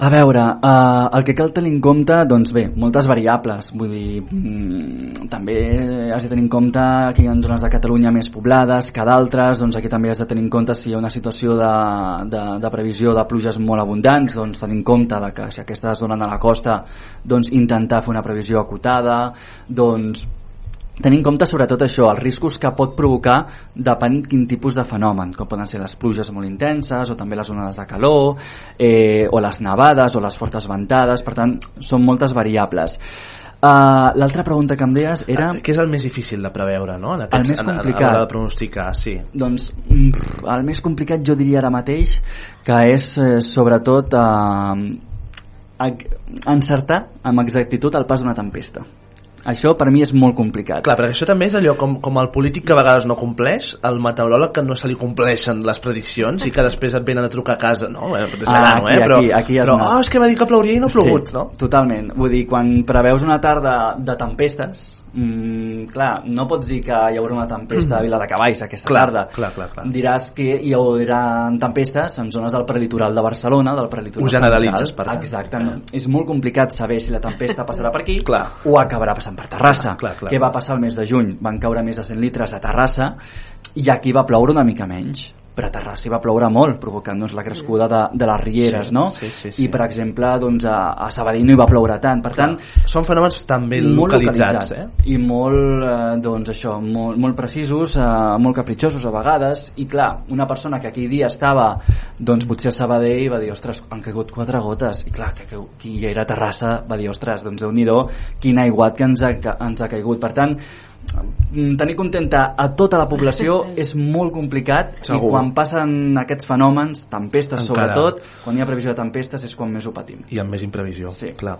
Ah, i imprevisió i imprecisió, no? Perquè Totalment. tampoc pots acabar... Mhm. 7 i 10 de la tarda estem parlant amb ni més ni menys que Sergi Lores, com dèiem, meteoròleg de referència a casa nostra, eh, i que li preguntem, amb una de les preguntes estrelles, eh, com serà la tardor d'aquest any? Tothom ho està preguntant aquests dies perquè tothom ja diu, bueno, escolta, això que ja eh, ens estem allargant aquí a l'estiu, eh, això tindrà fi o què? Aquesta, aquesta calor i aquesta manca de, de precipitació. Doncs bé, nosaltres els meteoròlegs utilitzem uns models eh, estacionals, que són models que ens indiquen una miqueta la tendència que hi haurà durant aquests pròxims mesos o setmanes. Són models que hem d'agafar amb pinces sempre perquè són tendències, no ens diuen el dia ni quan plourà, però sí que ens poden orientar més o menys eh, quina serà la tendència per les pròximes setmanes o mesos. Doncs bé, sembla ser que a partir de la segona quinzena del mes d'octubre eh, podria ser que tinguéssim les precipitacions habituals, normals o fins i tot superiors a les habituals. Tenint en compte que l'octubre és un mes plujós, doncs estaríem parlant de, per fi, a partir del 15 d'octubre, que podrien ja arribar aquestes esperades pluges. Clar, eh, aquests Per models... tant, bona notícia, això, Bona notícia, eh? sí. Amb prudència, Sí, no? perquè són models que ens indiquen serà una mica més humit o serà normal, però clar, no sabem si aquesta pluja ens caurà en una setmana o ens caurà en 3 hores. Clar. Si ens cau en 3 hores, la mal aprofitarem perquè mm, anirà tot, tot avall. Si cau doncs, en, bé, diversificada, en diversos dies, de forma això, normal i bé, doncs l'aprofitarem i serà una aigua molt benvinguda, sobretot pels boscos i pels embassaments, que falta el fa. Però aquesta és la tendència de cara a l'octubre. Novembre, desembre, sí que els models ens indiquen això, que tindrem la pluja habitual o fins i tot una mica més humit. Seran mesos una mica més humits. Ara, Això què vol dir? Doncs que bé, novembre encara hi podria ploure, tindríem encara episodis de, de precipitació, però desembre ja és un mes bas- bastant sec. Uh -huh. Desembre, gener són mesos bastant I secs. per tant, aquí. que sigui més humit implica... Doncs que puguem tenir algun episodi de, bueno, algun temporal, potser, mm, ja et dic, no sembla que, que siguin mesos molt i molt més humits dels, habitu de la, dels habituals, eh? però sí que s'incrementa o es podria trencar aquesta ratxa que portem arrossegant des de fa mesos. Ara, pel que fa a temperatures, octubre, novembre, és- desembre, tots els mesos per damunt de la mitjana. És a dir, sembla ser que tindrem... Costarà, d'arribar. Exacte, sembla ser que tindrem un hivern no hivern, perquè no sembla que, que torni... Generalitzat a tot Catalunya. I a tota Europa. A tota Europa, a tota eh? Europa sembla ser que tindrem... De fet, aquesta setmana que ve tornarem a tenir temperatures entre 5 i 10 graus per sobre les habituals a bona part del continent europeu. Consells, eh, allò de manual. El canvi d'armari quan l'hem de fer? Mireu, el canvi d'armari... O no l'hem de fer de moment? Jo crec... Mira, avui ho parlàvem a, a televisió que, que la, la roba d'entretemps jo crec que ja passarà a ser una llegenda urbana d'aquí uns mesos o d'aquí uns anys perquè sí. uh, aquest entretemps que tant se'n parlava abans que teníem entre l'estiu Sí, i sí, l'hivern sí, sí. cada cop cada cop Desapareix. en, va menys, es va, es va acotant, es va acotant i jo crec que hi haurà un dia que acabarà desapareixent el canvi d'armari eh, encara haurà d'esperar una setmana segur Una segur. una segur Val, per tant, i el, probablement el pont que no l'aprofiti ningú per fer el canvi d'armari. Eh? No, jo... Perquè estés perdut, moment. Exactament, vull dir, el, la, la primera part del pont, la setmana que ve, durant tota la setmana, es preveu doncs, que sigui més càlida, fins dijous, divendres i m'atreviria a dir dissabte, Uh -huh. podrem anar perfectament amb màniga curta, perquè tindrem temperatures altes, i potser és el que et deia abans, a partir del 15-16 d'octubre podria canviar la tendència, podrien arribar pluges, una massa d'aire més fresc, que ens podria normalitzar els termòmetres, però això no vol dir que faci fred, que vingui fred, vol dir que tindrem les temperatures Els pròpies que s'esperen de l'octubre. Per tant, màximes de, de, de 20, 25 graus i una mica més de fresca a les nits, perquè Clar. és que tenim nits tropicals mm, dia sí dia també. Del tot, del tot, del tot. Clar, uh, no sé si Catalunya està destinada a tenir aquestes dues estacions únicament, de Estiu i tardor- hivern. I, bueno, sí, un hivern que és més tardor que hivern, diguem-ne. Sí, en els últims anys eh, Sí, s'ha la- constatat això, Clar. eh, que s'està perdent doncs, eh, aquesta estacionalitat de tardor-hivern.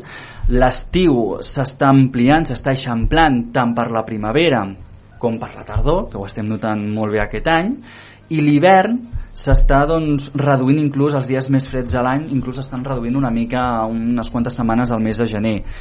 La resta doncs, són setmanes d'un temps doncs, no gaire fred i menys càlid, de, evidentment, que el de l'estiu. Clar, això també hi haurà qui traurà profit. Clar. Per exemple, el turisme. Uh -huh. Aquesta setmana està, vaja, eh, contentíssim Clar. perquè està, ho està tenint tot ple les terrasses plenes, les platges plenes això vol dir restaurants plens i, i la gent doncs, que li agrada la platja d'aquests dies s'hi pot banyar, trobem l'aigua del mar encara entre els 23 i 25 graus a Balears està entre els 26 i els 27, pràcticament com si estiguéssim al mes d'agost. De fet, aquesta setmana la temperatura de l'aigua del mar a Barcelona eh, és la més alta registrada per aquesta època de l'any. Eh? Des de que hi ha registres, crec que hi ha 17 o 18 anys de, de registres a, a Barcelona.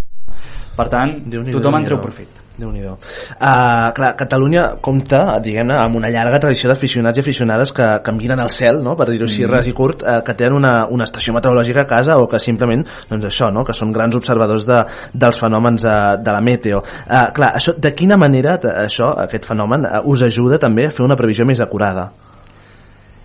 És, és clau. És clau. És clau. Uh, L'observació jo crec que és clau per, per saber el temps que fa, el temps que ha fet eh, fins i tot. Nosaltres treballem molt amb, amb dades uh, per explicar el temps. Ens, ens Clar. basem doncs, amb les imatges que ens envien doncs, uh, els espectadors i, i sobretot també amb les dades de, de temperatura, de precipitació i, i sobretot també són són ulls en el territori. Clar. Eh, avui dia amb les xarxes socials eh, n'hi ha molts més ulls que abans. Uh, abans hi havia un tornado, hi havia un fenomen sever i potser no quedava documentat. Avui dia tothom porta un mòbil, un, un smartphone a la mà i cosa que passa, cosa que grava i que ho penja després.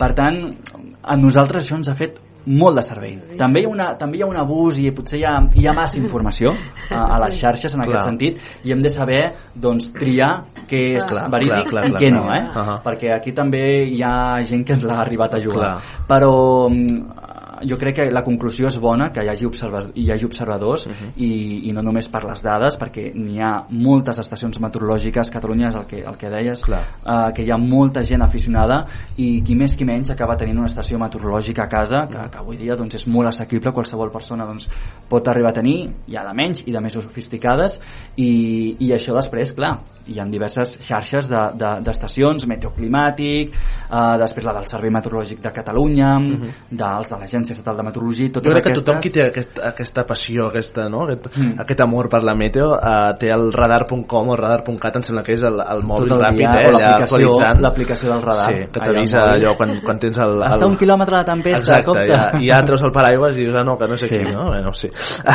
Escolta, una de les altres notícies de, de la setmana, o, o de fet de la temporada, malauradament, eh, és aquesta calor anòmala, no?, i, i els registres aquests que toquen sostres històrics, ara ho comentaves, per damunt de la, de la mitjana que tocarien a, en aquesta època. Uh, ens deixa aquesta, aquesta sequera extrema que de fet ja dura des de, des de quan tenim aquesta, aquesta, aquesta problemàtica? Fa més de dos anys Dos anys que ja, estem eh? patint aquesta greu sequera mm. i s'està greujant de fet avui eh, els estats dels embassaments de les conques internes ja han baixat fins al 21% de la seva capacitat. Per tant estem igualant eh, les reserves que teníem durant el mínim històric del 2008 durant la sequera del 2008 ja fa més de, de 15 anys. Mhm. i enguany contem amb les desaladores. Per tant això també cal tenir en compte. Uh, i anem a camí que si no plou uh, d'aquí unes setmanes doncs puguem eh, inclús assolir el rècord de la sequera del 1989-1990 quan, els quan els embassaments de les conques internes van baixar per sota del 19%, 19,8% de la seva capacitat. Per tant, això sí que hi ha registres de casos, no?, de, de temporades, ens ho deies, el 1988-90 i aquest 2008 que, que, que teníem els embassaments pel valor de, més o menys el que tenim ara, que és aquest 21%, no? Uh, aquests mínims històrics, uh, diguem-ne que quina és la, la solució, que, qui, quina, és a dir, quin marge per l'esperança hi ha amb aquestes dades sobre la taula, alarmants? Clar, aquí eh, o esperem que plogui Que és i que fiar-se, no, és de- fiar-se de la naturalesa Sí, de, de, sí, sí, del sí. temps, del clima en aquest cas eh, de la meteorologia, perdoneu sí. o fer una bona gestió de l'aigua i aquí s'hi està treballant s'hi està treballant en aquest sentit de fer una bona gestió, d'aprofitar també les aigües doncs, per poder-les reutilitzar hi ha molts mecanismes actualment per, per aconseguir doncs, això i, i després les assadores també que, que s'estan Ah. construint uh, i que s'estan executant per intentar subministrar um, tota aquesta aigua necessària a tota l'àrea de Barcelona però Clar. també és cert que tenim els oblidats, que són la gent que s'hi dedica al camp, a la terra, a l'agricultura, que n'hi ha molta gent que també s'hi dedica, potser no tanta, però també són persones i també tenen el seu dret a tenir doncs, l'aigua i molta gent de Ponent, de les Terres de l'Ebre. Doncs potser sí que és veritat que aquestes persones eh, necessiten també aquesta aigua i potser no els hi arriba de la mateixa manera que els hi pot arribar a la gent que viu a la costa que, o que depèn del turisme per exemple. Eh? Per tant, són dos contrastos que tenim dues realitats diferents, però que jo crec que també cal tenir en I compte. tant, I tant, i tant. Uh, més dades, uh, Sergi, en relació a això de, que dèiem de la- de la- d'aquests valors, no? d'aquests registres que toquen sostres uh, històrics, uh, després de viure aquest estiu, uh, juny, juliol i agost, uh, un dels estius més càlids registrats uh, mai al planeta, no? Uh, al setembre també se suma a la llista, avui ho coneixíem, de mesos del 2023 amb rècord de calor al planeta. De fet, setembre uh, és el quart mes consecutiu amb rècord de, de calor al, al planeta, el quart mes consecutiu amb rècord de calor. Clar, aquests valors no sé si els hem de normalitzar com a ja algo que anirà quedant així en tendència els propers anys o és, són unes coses que, que podem evitar eh, aprenent mesures o no sé. Mireu, sí que és cert que cada cop els, els, els mesos, quan s'acaben, eh, surten les notícies. Ha estat Clar. el setembre més càlid, ha estat el 2022 més càlid des que hi ha registres. Això cada cop doncs, ho anirem assolint, s'aniran assolint doncs, aquests rècords de, de temperatura i això és, és la tendència eh, per aquests eh, pròxims anys i probablement aquest setembre, ara ens ho deies, ha estat el més càlid mai, mai mesurat, eh, en Mhm. aquest cas és que hi ha registres a, a la Terra. Uh, I aquesta serà la tendència si no fem un canvi mm, ja, perquè el canvi hauria de ser imminent. Amb les polítiques actuals, amb les polítiques que estem utilitzant a, o que s'estan duent a terme ara mateix, doncs pràcticament poc es notarà en un futur doncs, aquesta reducció d'emissions de gasos d'efecte hivernacle que són els principals causants d'aquest escalfament global no? del planeta eh, amb les polítiques actuals continuarem doncs, fent augmentar aquests gasos continuaran augmentant la temperatura d'aquí al 2100 i per tant els escenaris són dels pitjors, que la Mhm. temperatura d'aquí al 2100 sigui gairebé 4 graus i mig per sobre de la mitjana eh, respecte a l'e- l'era preindustrial no? si utilitzem polítiques doncs, més dràstiques, sí que és cert que podrem arribar a frenar aquestes emissions de gasos d'efecte hivernacle. Això no vol dir que la temperatura baixi. Això vol dir que frenarem la pujada, frenarem aquest escalfament. Pràcticament l'escalfament ja no és que no sigui inevitable, és que ja el tenim aquí. Ja les dades, és el que deia abans, ja ens constaten que tenim un escalfament global. Però sí que és cert que si comencem o si que d'alguna manera utilitzem polítiques de, de mitigació eh, per poder doncs, frenar aquest augment de gasos d'efecte hivernacle, doncs en un futur doncs, la temperatura quedarà una mica més frenada aquesta pujada de la temperatura. Clar, uh, Sergi, la pregunta de si anem cap a un planeta o cap a un indret inevitable, això què, què ens respons? No, jo crec No, que eh? seria en No aquest sentit uh, això, mm, no veu una apocalipsi en aquest cas, Val, vull dir val. el que, el que hem de trobar o, o, o el, que, el que ens passarà evidentment ens, ens encarem cap a un clima diferent ens encarem cap a un clima diferent, això està clar però sí que és veritat que en aquest clima diferent que, que ens depara en un futur i ens haurem d'adaptar clar és el, que es, és el que es coneix com la resiliència ens hem de fer Clar, més resilients clar. a un nou clima, a un nou canvi però hi hem de trobar, hem de trobar oportunitats en aquest nou clima. Per Quines són les exemple. oportunitats? Doncs mireu, eh, al nord, al nord d'Europa, fins ara, no hi, ha no hi ha hagut agricultura perquè ha fet molt de fred sempre als hiverns i pràcticament no s'hi podia cultivar ara, la previsió de fet ens indiquen però ja ara s'està constatant aquest canvi que en un futur al nord d'Europa es preveu que sigui més càlid i més plujós. Això vol dir que serà un territori molt més eh, Conreable. conreable i per tant els agricultors i la gent d'allà ja hi està veient allà un, un, un sector econòmic a potenciar que era un futur. Ara, ara faré d'advocat del diable, però llavors la, les exportacions d'un mercat com el català aquí baixa. Clar, vull dir, això és el que, això és el que haurem d'intentar evitar que passi aquí a casa nostra clar, perquè clar. ens, ens sortiran doncs, Clar, clar, competidors, clar. probablement però la, la vinya que cada cop s'està pujant sí. a alçades més elevades perquè a la zona del Penedès s'hi està veient sí, massa sí, calor sí. o no plou doncs potser cada cop trobarem més vinya no només a França, sinó ja més al nord que probablement ja n'hi hagi per tant, uh -huh. s'hi han de trobar oportunitats pistes d'esquí, probablement en un futur Desapareixeran. desapareixeran, no trobarem les pistes d'esquí que trobem ara al Pirineu català doncs s'hi han de trobar alternatives eh, a, a, a aquest esport Mhm. doncs altres tipus d'activitats a l'hivern les de l'estiu, doncs també aplicar-les a l'hivern o fer d'altres tipus d'oportunitats. Em sembla molt interessant això, Sergi, justament per, per aquest efecte, no? no sé quin és el concepte uh, uh, concret, no? però aquest, el, que- el que es coneix com un estrès climàtic no? per, tot el, Mm. per tot el que té a veure no? amb aquest canvi climàtic i per tant aquest efecte negatiu en la salut mental de les persones de, de veure que, doncs, que, que els impactes posar a la televisió és, és que el, el, canvi, el temps canvia molt que, no? i d'una manera molt dràstica que hi ha uns fenòmens que no s'havien vist mai abans etc etc etc. no? Uh, i per tant em sembla molt bé això de donar aquests inputs en positiu i com a, com a oportunitat no? Totalment, jo crec que mm, hem d'afrontar i ens hem d'adaptar, vull dir, sempre trobant i buscant les oportunitats.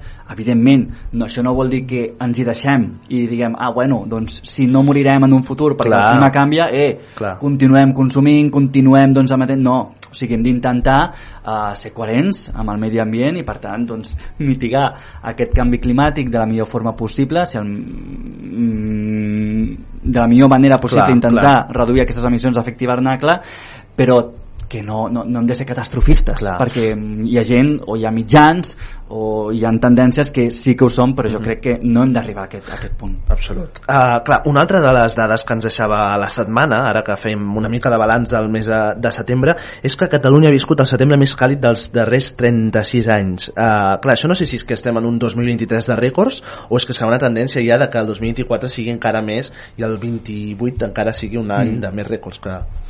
És cert, el juliol, el juliol, l'agost i ara el setembre han estat els anys més càlids a nivell planetari des, de que hi ha, des de que hi ha registres. Sí. Eh, el que dèiem abans, el setembre ho ha estat, l'octubre veurem què acaba passant, però probablement aquest 2023 acabi sent l'any més càlid des que hi ha registres, no només a, a Catalunya, sinó probablement també a, a tot el món. Això no vol dir que cada any sigui l'any més càlid. Pot ser que hi hagi un any el 2026 que sigui doncs, normal respecte a la mitjana dels últims 30 anys o menys càlid que el 2025 Clar. o el 2024 Clar. és a dir, si us fixeu en aquestes gràfiques que va traient per la televisió Sí. veureu que, que, que, que la curva no, no va, no, no és recta no, no va de menys i la temperatura puja recta i una dent de serra Sí. vol dir que hi ha anys més càlids, anys més frescos, anys més càlids, però sempre amb una tendència a l'alça. Per tant, això vol dir que hi ha aquesta variabilitat, però sempre cap a una tendència que està clara i que estem notant des de fa molts anys, que és que Clar. el planeta s'escalfa. Clar, uh, més uh, ens fixem també una altra vegada en el, en el futur, no? Abans parlàvem d'aquests fenòmens uh, anòmals no? que hem vist uh, aquí a casa nostra, meteo fenòmens meteorològics com el, el temporal Glòria, el temporal uh, Filomena no? i d'altres que hem anat veient d'huracans, tornados i, i diversos, no? Bueno, huracans potser no tant, però sí que aquests fenòmens una mica més atípics d'aquí de, de casa nostra.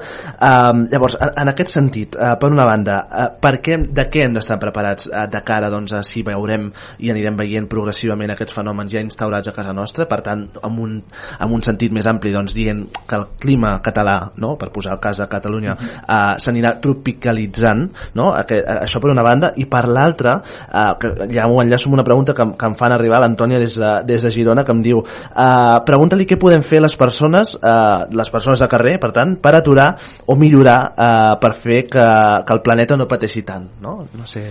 Doncs mireu, eh, ens hem d'adaptar per un futur amb fenòmens més severs, eh, més intensos, per tant, eh, situacions com les que vam viure doncs, eh, ara fa unes setmanes, aquesta última depressió aïllada a nivells alts, aquesta última gota freda que va deixar doncs, més de 200 litres per metre quadrat al canal, una altra vegada ja per tercer o quarta vegada consecutiva en pocs anys, doncs ens hem d'adaptar a per fenòmens d'aquest tipus. És a dir, ens hem d'adaptar a crescudes de, de, de rius, de rieres, intentar doncs, tenir una bona planificació territorial durant molts anys doncs potser no s'ha fet una bona gestió de, del territori, s'han construït cases per on i antigament hi passava una riera aquella riera, aquell torrent continuarà existint perquè l'aigua sempre buscarà el camí més fàcil i més ràpid per arribar eh, cap al mar. Per tant, tota aquesta gestió que s'ha fet territorial en els últims anys potser s'ha de tornar a revisar s'ha de tornar a revisar perquè hi ha moltes cases, hi ha moltes edificacions, sobretot a prop de la costa,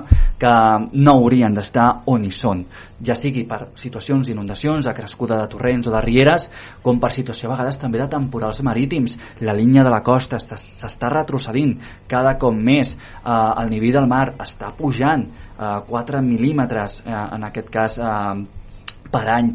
Per tant, mica en mica, tots aquests fenòmens, tots aquests canvis ens han d'estar alerta i aplicar algun tipus de, de, això, de, de, de canvis de gestió per poder-nos adaptar. També ens, ens hem d'adaptar a onades de calor cada cop més intenses.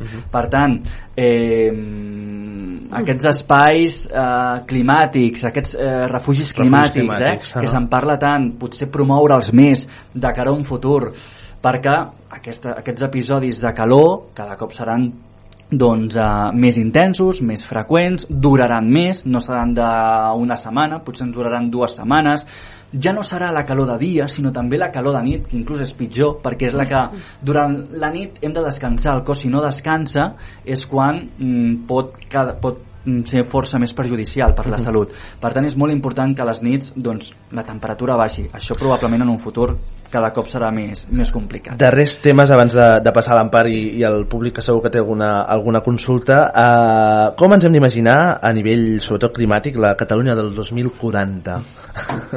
No queda gaire, eh? No queda gaire, per això, per això. Doncs la Catalunya del 2040 probablement sigui més càlida, encara més càlida que ara, i, i també més àrida que això ja ho és. Uh, aquesta setmana ha sortit l'atlas climàtic del, el nou atlas climàtic del Servei Meteorològic de Catalunya, que agafa la mitjana de temperatures i precipitació del 91 fins al 2020, Mhm. i ha constatat això, que Catalunya és més càlida i més àrida que abans. Que abans. I aquesta serà la tendència. Que no queda gaire, però queden 17 anys. Vull dir que amb 17 anys poden passar moltes coses. Evidentment, i segurament la tendència o el que hem anat vivint aquests últims anys jo crec que és un petit aperitiu del que ens Del que espera, ens espera. del que ens espera. I per tant, unes de calor... encara ens queda el primer i el segon plat, diguem. Exactament, vull dir que preparem-nos. Clar, neu a l'hivern, que això ens ho hem descuidat abans. Neu a l'hivern no en veurem. En podem veure. A Viladecavalls no. En podem veure a Sí? Viladecavalls, en podem veure a Barcelona, però abans potser era més habitual que a l'hivern hi hagués almenys una o dues nevades a l'Observatori Fabra i ara potser hi haurà una nevada a l'any o una cada 3-4 anys. Per tant, pot ser que toqui aquest 2023 com pot ser que toqui d'aquí 4 anys. Aquí a Viladecavalls, evidentment, és més fàcil que nevi que, que a Barcelona. Aquest any passat hi va nevar, sí. crec que en diverses ocasions. Una va ser la que va enfarina una mica el terra, al mes de febrer uh, i pot tornar a nevar però cada cop serà menys habitual que hi ha nevant aquí a Viladecavalls cada cop serà doncs, més difícil veure-hi almenys que, almenys que agafi que agafi el terra, això serà cada cop més complicat Uh, sí, sí, a 7 i 30, sí, a Canàries, 7 i 32 a Vila de Cavalls, aquí en directe des de Ràdio Vila. Uh, Sergi, pels qui no et tinguin uh, uh, ubicat, a on et poden veure? Fent, doncs explicant mireu, això en directe. estic matinant molt Estàs matinant per molt. quarta temporada consecutiva d'Idees. al Cafè d'Idees amb la Gemma Nierga cada dia a les 8 del matí per la 2 i també em podeu veure de tant en tant a l'informatiu del migdia de la desconnexió que fem aquí a l'informatiu de Catalunya a les dues i a tres quarts de 4 de la tarda Per la tant, aquesta informació de proximitat que us oferim aquí a Ràdio Vila en exclusiva, doncs la podreu veure també a altres canals com és la, la 2 i Televisió Espanyola. Uh, acabem, abans de passar com dèiem, amb l'Empar, amb, la, amb una previsió local eh, a nivell de cap de setmana, ara que també s'apropa, estem a les portes d'aquest cap de setmana, no sé quin, quin temps ens espera aquest cap de setmana, Sergi. Doncs calor, mira, jo, Calor, jo, jo, jo ho he escoltat per aquí. el Lluís ho diu. Està fàcil, perquè és que cada dia portem la mateixa cantarella de, de, de fa un mes d'una de Clar, dues setmanes. Això és avorrit pels meteoròlegs. Ai, jo ja aquesta setmana era, ja no sabia què explicar, perquè clar, cada dia s'està explicant el mateix i dius, Clar. bueno, explica'm alguna cosa diferent. Com pots explicar el temps que farà d'una manera diferent a com ho vaig explicar? Clar, perquè clar, cada dia clar. és del mateix. Cap de setmana de sol, molta humitat, a les nits i matinades i a primeres hores tindrem aquesta boirina, aquests núvols baixos, eh, fruit d'aquesta elevada humitat, tenim molt estancament atmosfèric, molta mala visibilitat, Ai, fruit senyor. d'aquestes altes pressions, ni una gota de pluja, continuarà fent calor, i temperatures al migdia al voltant dels 26-27 graus i poca fresca als matins. Uh, hi han dues peticions en aquest programa que és la previsió del temps a les terres de Girona, que és on hi ha l'Antònia, Sí. i a les terres de la zona de Cambrils, que és on, ten- és on, és on Encanta- tinc... doncs mireu, cap a Girona, si és Costa Brava, Costa Brava tindran núvols baixos a primeres i últimes hores del dia. Potser Girona cap a- ciutat. Cap, Girona ciutat, doncs a primeríssima hora del dia, alguna boirina, però després farà sol, Uh -huh. tant demà com diumenge, diumenge potser alguns núvols prims, però això, poca fresca a primera hora i màximes gairebé, jo diria, a tocar Girona dels 30 graus aquest cap de setmana, per tant, calor d'estiu.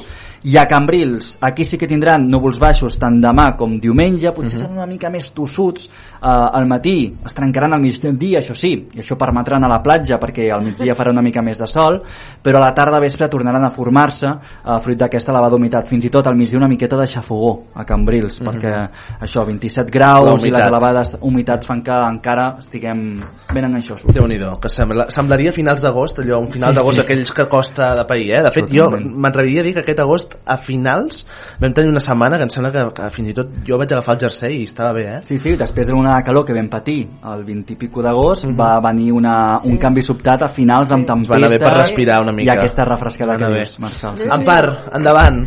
Bueno, jo penso que això de l'efecte invernader, els que tenen per la mà poder-ho solucionar, no estan per la labor. El canvi climàtic, et El refereixes? canvi climàtic. Vull dir que això no depèn de nosaltres, depèn de moltes persones que sí que podrien fer alguna cosa, però no, els interessos prevaleixen. Per mig, mentre mig món, com el nostre, ens està- s'està secant, mig món s'està inundant. Perquè aquestes inundacions tan fantàstiques que es veuen de Grècia, de Turquia, d'Itàlia, tot això no és normal. I aquí tanta sequia i allà mm, mm, l'aigua d'ojo, això és... Clar, tots els extrems són una mica dolents, no? Clar, És el que estem tenint extrems, sí, sí, aquí molta sequera, a Grècia dos temporals durant aquests últims mesos i, i clar, després hi ha altres zones del món on aquestes inundacions inclús tenen eh, més conseqüències negatives sobre la I població perquè hi ha països en vies de desenvolupament que no tenen la sort o la capacitat d'alertar la població de que plourà molt i que eh, probablement aquestes pluges causin I que, inundacions. I que edifiquen on no... Eh, perquè... Clar, el que deia el Sergi, no? La planificació Clar, El que territorial. has dit abans.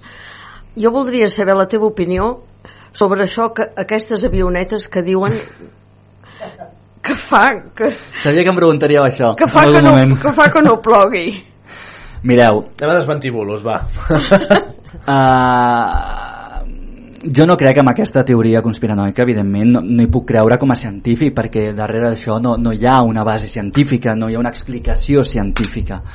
Uh, aquestes avionetes, o aquest, això que veiem al cel, aquestes ratlles, Sí, són sí. ni més ni menys que esteles de condensació, deixants, que deixen els avions. Uh, els avions, les avionetes, deixen anar un vapor d'aigua al cel. Quan aquest vapor d'aigua eh, es troba amb una temperatura més baixa, vale? en, en les capes altes i amb una humitat elevada, doncs es formen aquestes esteles de condensació, es forma aquest fenomen, d'acord? que és el que veiem nosaltres, que a vegades van associats a l'aproximació d'un canvi de temps. Quan veiem un cel molt estelat és perquè en alçada està entrant aire més fred, la humitat està augmentant, per tant, és fàcil que en combinació amb aquest vapor d'aigua que deixen a, als avions, igual que deixen doncs, els cotxes de, de combustió, doncs s'acaba convertint en aquestes petites esteles de condensació i clar, evidentment, el trànsit aeri és enorme. Per tant, hi ha molts avions sobrevolant a, a, al territori. Clar, quan hi ha aquestes condicions eh, favorables d'humitat i temperatura, en aquestes capes altes entre els 5.000 i els 10.000 metres d'alçada doncs és quan es formen o és quan veiem aquestes esteles de condensació però que en cap cas hi estan deixant anar És que a internet han sortit les fotos de les avionetes. avionetes de quines avionetes? Aquestes avionetes que, que llencen un, una, bueno, un producte, no sé, hi diuen el nom i tot, però jo ara no me'n recordo, perquè l'atmosfera llavors eh, fa l'efecte fa que no plogui o sigui, no solament sobrevolen ja està, No. llencen un producte Clar, bueno, no s'ha de fer cas tot el que diu internet també, Tot i això eh? no. em fa gràcia perquè aquests eh, conspiranoics eh, que jo no els hi segueixo, evidentment, perquè evidentment no m'agrada seguir aquesta, aquest tipus de, de comentaris quan hi ha una situació de, de, de pluja abundant, com hem tenir ara fa unes setmanes amb, la, amb aquesta gota freda, llavors ningú deia res. Llavors, clar, llavors... Mm, bueno, no, es donen, no no, no es donen les circumstàncies per poder veure aquestes, Exacte. aquestes línies que a vegades és exagerat eh? Però sempre hi ha hagut, sempre hi ha hagut aquests eixams de condensació, aquestes esteres de condensació. Sempre sempre s'han format quan, quan hi ha aquestes condicions de- d'humitat i, de i de temperatura en aquesta alçada per on circulen a, els avions. Però, però ja et dic, vull dir, pues eh, que hi no... ha molta gent que s'ho creu ben bé jo Mm. ho poso sempre en quarantena jo no, Sempre està bé desconfiar del que veiem a jo internet. penso bueno, no sé si és veritat o no jo per els de Vox, o... Ara anirem, ara anirem. A part, alguna cosa més? No, jo no? estic contenta de tenir un meteoròleg tan, tan a mà. De, jo, pensava que, bé. jo pensava que eres de qui sap on. I, I de la casa, tu Imagina't, d'aquí. imagina't, eh? Imagi I no havia vingut mai a Radio Vila, això sí que és un Això pecat. és un pecat, eh? Mare meva, mare meva. Jo hi soc aquí, jo hi soc aquí, i tant, i tant. Doncs sí, sí, a veure. A veure, uh, Lluís, comencem per tu, perquè tu ets el nostre meteoròleg de- de- d'històric, diguem. No, meteorologia. Amb tu, per l'edat que tens, eh, els adagis i els refrans que es deien d'abans no n'has conegut cap, vale. En aquí, doncs, jo soc... o sí, o sí. A, a casa meva havien sigut pagesos, jo fins que no vaig treballar en una altra cosa, doncs anava eh, al camp amb, el- amb el meu pare i amb el meu avi. Quan la bacrissana es deixava anar pel ros fins baix a Can Boada, abans de tres dies plovia. Això era matemàtic, no fallava mai. Quan quedava el sol, quan es pon, quedava calçada, la calçada, diguem, allò que et queda una boira de Montserrat cap avall, sí. plovia, no fallava. Quan hi havia calçada marina, al cantó de baix, eh, el refran deia proveeix de llenya i farina i no fallava ara falla tot ara falla tot Tot s'ha de descompensat. eh? si no vaig equivocat l'Alfred Rodríguez Picó va pronosticar un cap de setmana de pluja Jo no aneu cap al Pirineu que no sé què, no sé quantos no va ploure i, i els d'allà dalt se li van fotre sobre i Eh. sembla que va ser com va plegar Eh. diu, deixo perquè doncs dic que jo te'n eh, volia lo- recordar lo que perquè aquest ara- episodi també m'ha vingut a la memòria. Ara, eh, abans, abans les tronades es formaven unes castelleres, aquelles boles de cotó que dic jo, a Montserrat, unes a Sant Llorenç. Anaven evolucionant i quan arribaven aquí dalt, para, pam, eh? et fotia la, la gran tronada i si estaves de sort que no pedregués, vale, però més d'un cop pedregava. Ara ja, ja no s'ha format mai.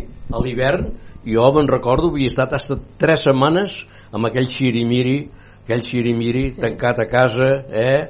I, i que anava calant, anava calant, anava calant, es fotien bolets a dojo, Mm. ara, Hòstia. això que has dit tu, Hòstia. ara, 60 litros caiguts en 3 dies de pebrots, caiguts en dues hores, eh, l'endemà vas a esgarrapar i dius, hòstia, Sí. on, on té la pixarada? eh? Si, si no hi ha humitat. Ja? Una altra pregunta. Vinga. Aquests pobles que no tenen aigua que els la porten amb cubes, d'on la treuen l'aigua? Si no n'hi ha. Quins pobles? Els pobles que hi ha, per por ahí, que ja fa temps que no tenen aigua, aigua corrent, que es la subministren amb cubes, l'aigua aquesta on la van a buscar? d'on surt l'aigua aquesta? Si els hi porten en cubes vol dir que els hi deuen portar probablement de, de plantes potabilitzadores, d'alguna desaladadora potser d'aquí de la, del Prat Clar, perquè o molts pobles se subministren de, se subministren de, de pous els pous De- se'ls han assecat sí, diu ja fa temps que, que puja la cuba i ens porten aigua clar, la pregunta és si no hi ha aigua que, que tot arreu doncs, els pantans estan secs l'aigua aquesta d'on prové? doncs probablement provinguin de- d'aquestes desaladores que, que trobem a, i que és una, de una part de l'aigua que també va parar doncs, a tota la regió metropolitana de Perquè jo, he- Barcelona jo he sentit avui el, Mm. Que ja, ja han deixat anar a la onda que si continua així a finals de desembre, a vindran desembre. barcos carregats d'aigua Sí, sí, al desembre entraríem ja, si ara estem en fase d'alerta, en fase d'emergència ja i probablement amb moltes més restriccions, si no plou, en aquestes pròximes setmanes. Jo una mica sí, sí, plat de conya dic, com aquest hivern no s'omplin els pantans, eh, l'any que ve haurem de reciclar els pixats per rentar-nos a la cara, vol dir que... Ei, Eh? No? doncs escolta, no seria... Oh. Mala cosa, bueno, no sé, no sé, eh? No sé. Tu t'imagines, en part? Potser per rentar-s'hi la cara no, No cal. però tu trobaries algunes utilitats? Home, els no. hem viscut molts anys. Escolta. Nosaltres exigirem ara per una mica de, que ens falti aigua. Uh, uh, tu no ho veus clar, eh, Eulàlia? Què? Això de, de, els pixats i no sé què dir. No, no, Això- no. No ho veig clar, és molt exagerat. Alguna pregunta? El, el Sergi algú té una puta... Ha explicat tot molt bé. Ha, ha explicat tot, bueno, almenys jo ho he entès. Segueixes el Sergi, el segueixes? No, no l'havia vist mai. Jo tampoc. Ah, sí? Però bueno, Ara sí, però és que si jo no- és de Vila de Cavalls... És que no miro la tele, jo. Mai, aquí, com, com? Si viu aquí Vila de Cavalls tampoc l'havia vist mai. Ara sí, eh? Ara ja no. Ara ja ens hi fixarem. Ja ens saludarem ara, eh? El matí es lleva i fot el camp cap a la tele per, per, Pues per, per, normal. per, per, eh, presentar el programa del temps, però això, però això no ho veiem en aquí. M'aixo d'aquí de nit cada dia. Li podeu preguntar, eh? Li preguntem on viu. Cal, això, eh? Estem a la ràdio, estem a la ràdio. Després, després, fora, fora de micros, fora de micros. Fora... Si no es vol equivocar, a veure, a televisió espanyola, quan era televisió en blanc i negre, Sí. hi havia un senyor del temps que deia Segur que no fa gaire d'això. El, Me- el Medina, El Medina, sí. xubascos dispersos. I aquell no s'equivocava mai. clar, era fàcil encertar-lo així, eh? Ja està. Xubascos dispersos. I amb això no et mulles? Vull dir, on plovia estaven de sort, a on no plovia Que cadascú agafés el que volgués, no?, de la previsió que donava. Isabel, tu ets de mirar el temps, de, no de canviar de canal, sinó de mirar el temps? Bueno, sí, miro a veure quin temps farà. I els esports, per exemple, ho mires? No, no, no. Però el temps sí, eh? Ets fidel. Sí, sí, sí, sempre, encara com que sembla que hagi d'anar a sortir a pescar. No, no, és, curi és curiós, eh? Perquè al final jo crec que tots... Jo mai canvio de canal. Calla, calla, que donen el temps. Sí. Això és un fenomen important, eh? Allò que estàs dinant i... Un moment, que ara diuen el temps. Jo sempre recordo que jo era, bueno, era joveneta i va haver-hi una nevada a Barcelona impressionant, d'aquelles de que semblava que estéssim a Suècia. I justament nosaltres havíem d'anar-nos a fora amb uns amics, dels meus pares i així. Pot ser que això fos l'any 62, per dir alguna cosa? Sí, La Nadal, sí, eh? sí, la nevada del 62, sí. Mhm. I llavors doncs, ja no vam poder sortir de casa i el meu pare, com va poder, va sortir per anar a comprar alguna de menjar i tot, perquè clar, havíem d'anar-nos a fora i la recordo jo perfectament i no teníem ni botes de, amb les botes d'aigua i, bueno, i va ser tremendo Fenòmens, fenòmens com també la, la, la riuada del 61 a Terrassa, eh? que ara ha fet, ara ha fet anys. sí, sí. Ah, per tant, el 61. I la riuada al setembre va ser. El 28, El 25. 28, 28 o 25? 25 i 26 de setembre del 62. vivia a Can Mitjans jo vivia a Can Mitjans i vaig vam estar 8 dies sense poder baixar al poble El 62 no va poder... no vam poder baixar era la nit de Nadal va nevar De, de neu, dius tu, eh? No de l'aigua del 25 de setembre. de neu va, a casa meva vam obrir la porta i no es veia res era, era blanc vull dir que quedava raconat Això ara és impensable. No? impensable això, clar En canvi, el, jo tinc els avis que sempre m'han explicat que la, a les riuades a Terrassa, no? ells viuen a Terrassa, eh, que la Rambla estava col·lapsadíssima d'aigua, no? Vull dir que, que explicaven històries de, de tragèdia... Les vies del tren se'l van emportar a l'aigua. fatal, sí, sí però la nevada també, me'n recordo També, també, també. Lluís, que ens vols dir alguna cosa? Digues, digues. Això, I acabem ja, eh? això de la riada de Terrassa. La riera de les Arenes Sí. era superample. si era super ample, eh, vol dir que anys antes va baixar una rierada que la va deixar d'aquella manera. Eh? I això la gent no, no, no, no discorre, esclar. Eh, va venir l'evolució de... Tota la gent d'Andalusia... del sud dels anys 60. Sí, sí. Ostres, això tan pla que em fa d'anys que no baixaiguen aquí. I vinga barraques. El dia que plou l'aigua té de sortir. I sobre aquest tema, la prevenció, actualment, tal com estan tots els torrents i les rieres, Déu-nos en guard que aquí a la muntanya caiguin 200 litres per metre quadrat, que ja veuràs on n'hi ha a espetegar. Per què? El que passa al canà, eh, des de la primera vegada, hi han donat sortida a l'aigua o no poden donar-li sortida perquè tot està edificat. Eh? A l'Espluga de Francolí fa, no sé, 18 o 20 anys hi va haver una riada. Bueno, i fa poc també, el 2018, hi va haver una altra. Eh, ara fa dos anys o no sé quan Sí, fa, sí. n'hi va haver una altra. De la última a la segona, jo hauria agradat veure el torrent aquell com estava. Altra vegada, perquè només has de veure quan hi ha un, un taponament, un pont o tubos o algo, la merda que queda enganxada en allà. Mhm. A més a més, els, els tècnics avui dia, eh, eh, en aquí passa un camí. Ostres, que no sé què, ah, fotrem quatre tubos, que aquests tubos poden engolir no sé quants metres cúbics per, per que sigui. Eh? Què passa? Baixa la rierada, baixa tot el, el, el, el brut eh, al davant, allò se tapona i això. Aquí el que s'ha de tenir en compte és el, el període de retorn, que és un concepte que s'utilitza a vegades per saber cada quants anys eh, hi plou una, una quantitat d'aigua en concret. El període de retorn, en aquest cas el canà, eh, pel que fa a pluja, a pluja a quantitats de precipitació superiors als 200-300 litres, si abans era de, de 100 anys, potser en aquests últims anys, amb aquest canvi climàtic, doncs s'ha reduït aquest període de retorn. És a dir, abans era cada 100 anys que plovien més de 200 litres i ara potser no és cada 100 anys, és cada 20 o 30 anys. Per tant, jo crec que en, aquests, eh, en aquesta nova reestructuració, en aquesta gestió del territori, s'haurien de tenir en compte eh, aquests nous, nous canvis, aquests fenòmens, perquè és més freqüent que hi plogui de forma eh, torrencial eh, i de forma més freqüent i per tant potser un any no et passarà o durant 5 anys no et passarà això però potser cada 10 anys hi tindràs una riuada a partir d'ara. I per tant s'ha d'intentar actuar en conseqüència i Hauria tenir-ho d'estar en permès compte edificar en llocs on hi ha aquest perill. exacte, inclús càmpings càmpings Exacte. hi ha molts càmpings No deixen les lleres dels torrents malament a rai. I llavors em venen els ecologistes, oh, això no es pot tocar, la vegetació, que si tal, que si qual. Collons, que l'aigua té de sortir. Hi ha d'haver una certa amplada. si troba, si s'hi engolir troba molta brutícia acaba fent un tap i després acaba provocant totes aquestes riuades totalment Bé, Aquest any, aquest any, l'última ja, ja, ja, ja està, no tenim temps, no tenim temps. Un altre, jo crec que dona, do- dona, dona, per fer, dona per fer una tertúlia de, de, Sí. de l'estat de, les de les riuades perquè, ai, de, de les rieres i, de, i dels entorns. Uh, Sergi, Lor, ui, Sergi Lores, moltíssimes gràcies per acompanyar-nos aquí a, a Ràdio Vila de Cavalls aquesta tarda de divendres. a vosaltres Ara ja has estat a Ràdio Vila, Vinga. d'alguna manera. quan vulgueu hi torno per aquí Ja, total estic a 3 minuts a casa vull dir, ei Ja tens caminant una és un pista, momentet Ja tens una pista, Trini. Ara, ara, ara, ara. Uh, en part, gràcies uh, per ser aquí aquesta tarda de divendres, diven- divendres 6 d'octubre. Aviam, necessito silenci un moment a la sala, eh, que ha començat molt bé. Uh, com dèiem, en part, gràcies per ser, per ser aquí. També una salutació a la Mati, que avui la tenim. On la tenim a la Mati avui? Tu saps? La Mati on, on és? On és? A Màlaga, està a Màlaga. Pues una A abraçada també sí. a la Mati que està, que està a Màlaga i a la, evidentment a la- a l'Antònia que està a Girona i a tothom qui ens estigui escoltant des de qualsevol punt del territori. Sergi, com dèiem, gràcies, bon cap de setmana. A vosaltres. Uh, descansa. Ho farem, ho farem. I, i a seguir.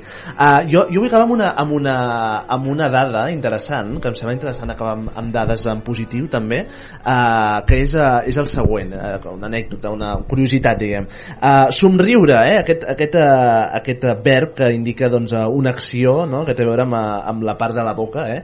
uh, somriure que uh, té alguns beneficis com uh, que ajuda a calmar el dolor i per tant una dada que és interessant de remarcar que és que amb el somriure s'alliberen endorfines aquesta, uh, aquest, no sé si són les endorfines les, les endorfines són, bueno, eh, en fi, el que s'allibera, diguem-ne, eh? Uh, i que aquestes contribueixen a modular el dolor i que tenen també uh, una millor tolerància al, al mateix, al, al dolor, diguem, eh? Per tant, uh, somriure ajuda a controlar la salut cardiovascular, uh, somriure redueix la pressió arterial i activa la circulació sanguínia, augmentant la oxigenació de la sang. Per tant, què hem de fer? Somriure. Somriure. Doncs Somriure no costa res. Eh que no? Eh? És, un, és un gest. Uh, I és molt beneficiós, això és veritat. Ho veus, eh? Ho veus. Uh, doncs acabem amb aquesta dada, uh, que sigueu molt feliços aquest cap de setmana i sempre ens retrobem aquí a Ràdio Vila el divendres que ve a la mateixa hora, divendres, a les 6. Fins llavors.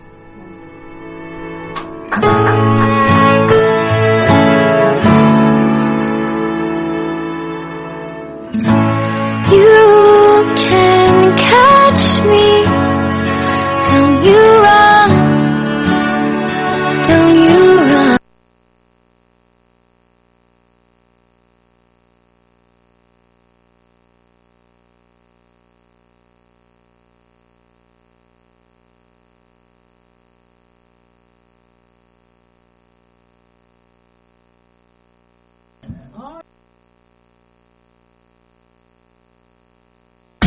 Cada divendres a partir de les 6 de la tarda, tota l'actualitat política, social i cultural del carrer te la portem a Ràdio Vila. La veu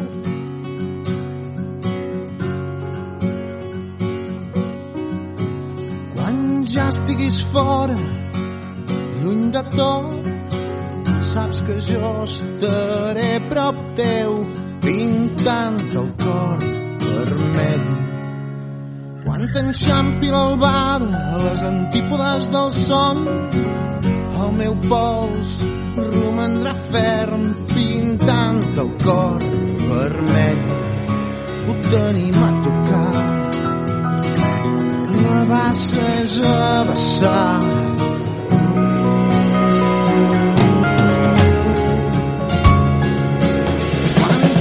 Els homes de tots els fronts, quan vegin el món amb els seus propis ulls, aquell dia marxarem.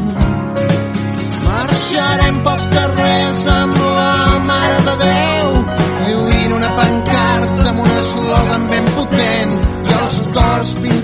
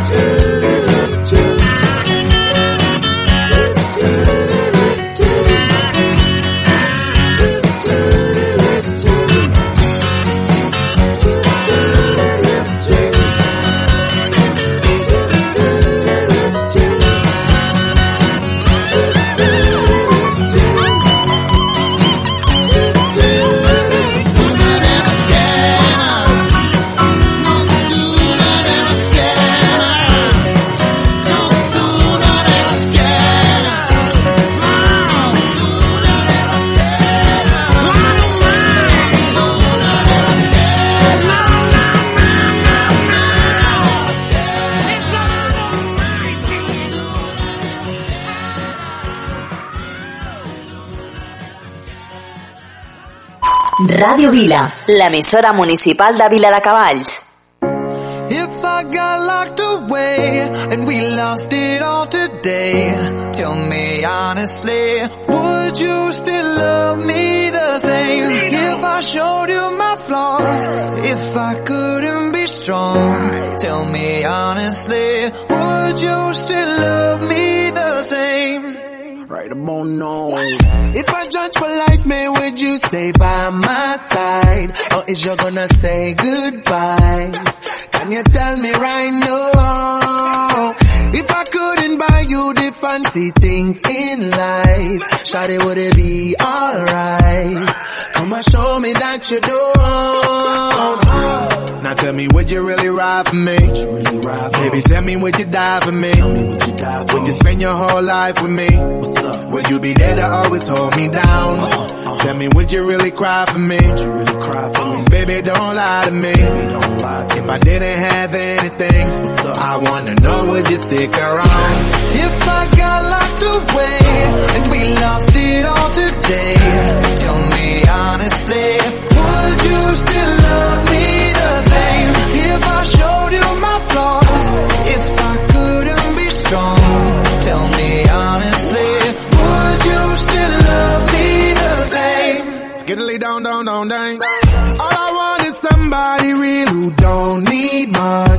Gal I know that I can trust. To be here when money low.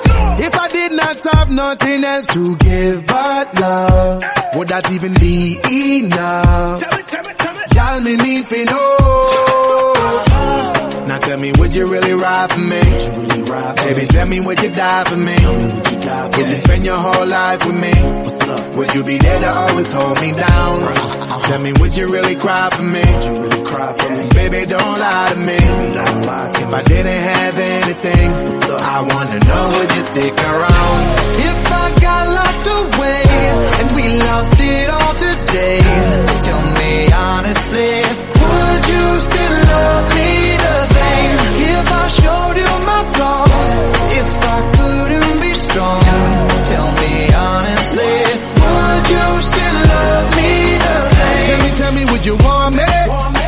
Tell me, tell me, would you call me? If you knew I wasn't ballin', cause I need a girl who's always by my side. Tell me, tell me, do you need me? Tell me, tell me, do you love me? Yeah. Or is you just tryna play me? Cause I need a girl to hold me down for life. If I got locked away and we lost it all today, tell me honestly, would you still love me the same? If I showed you my flaws, if I couldn't be strong, tell me honestly, would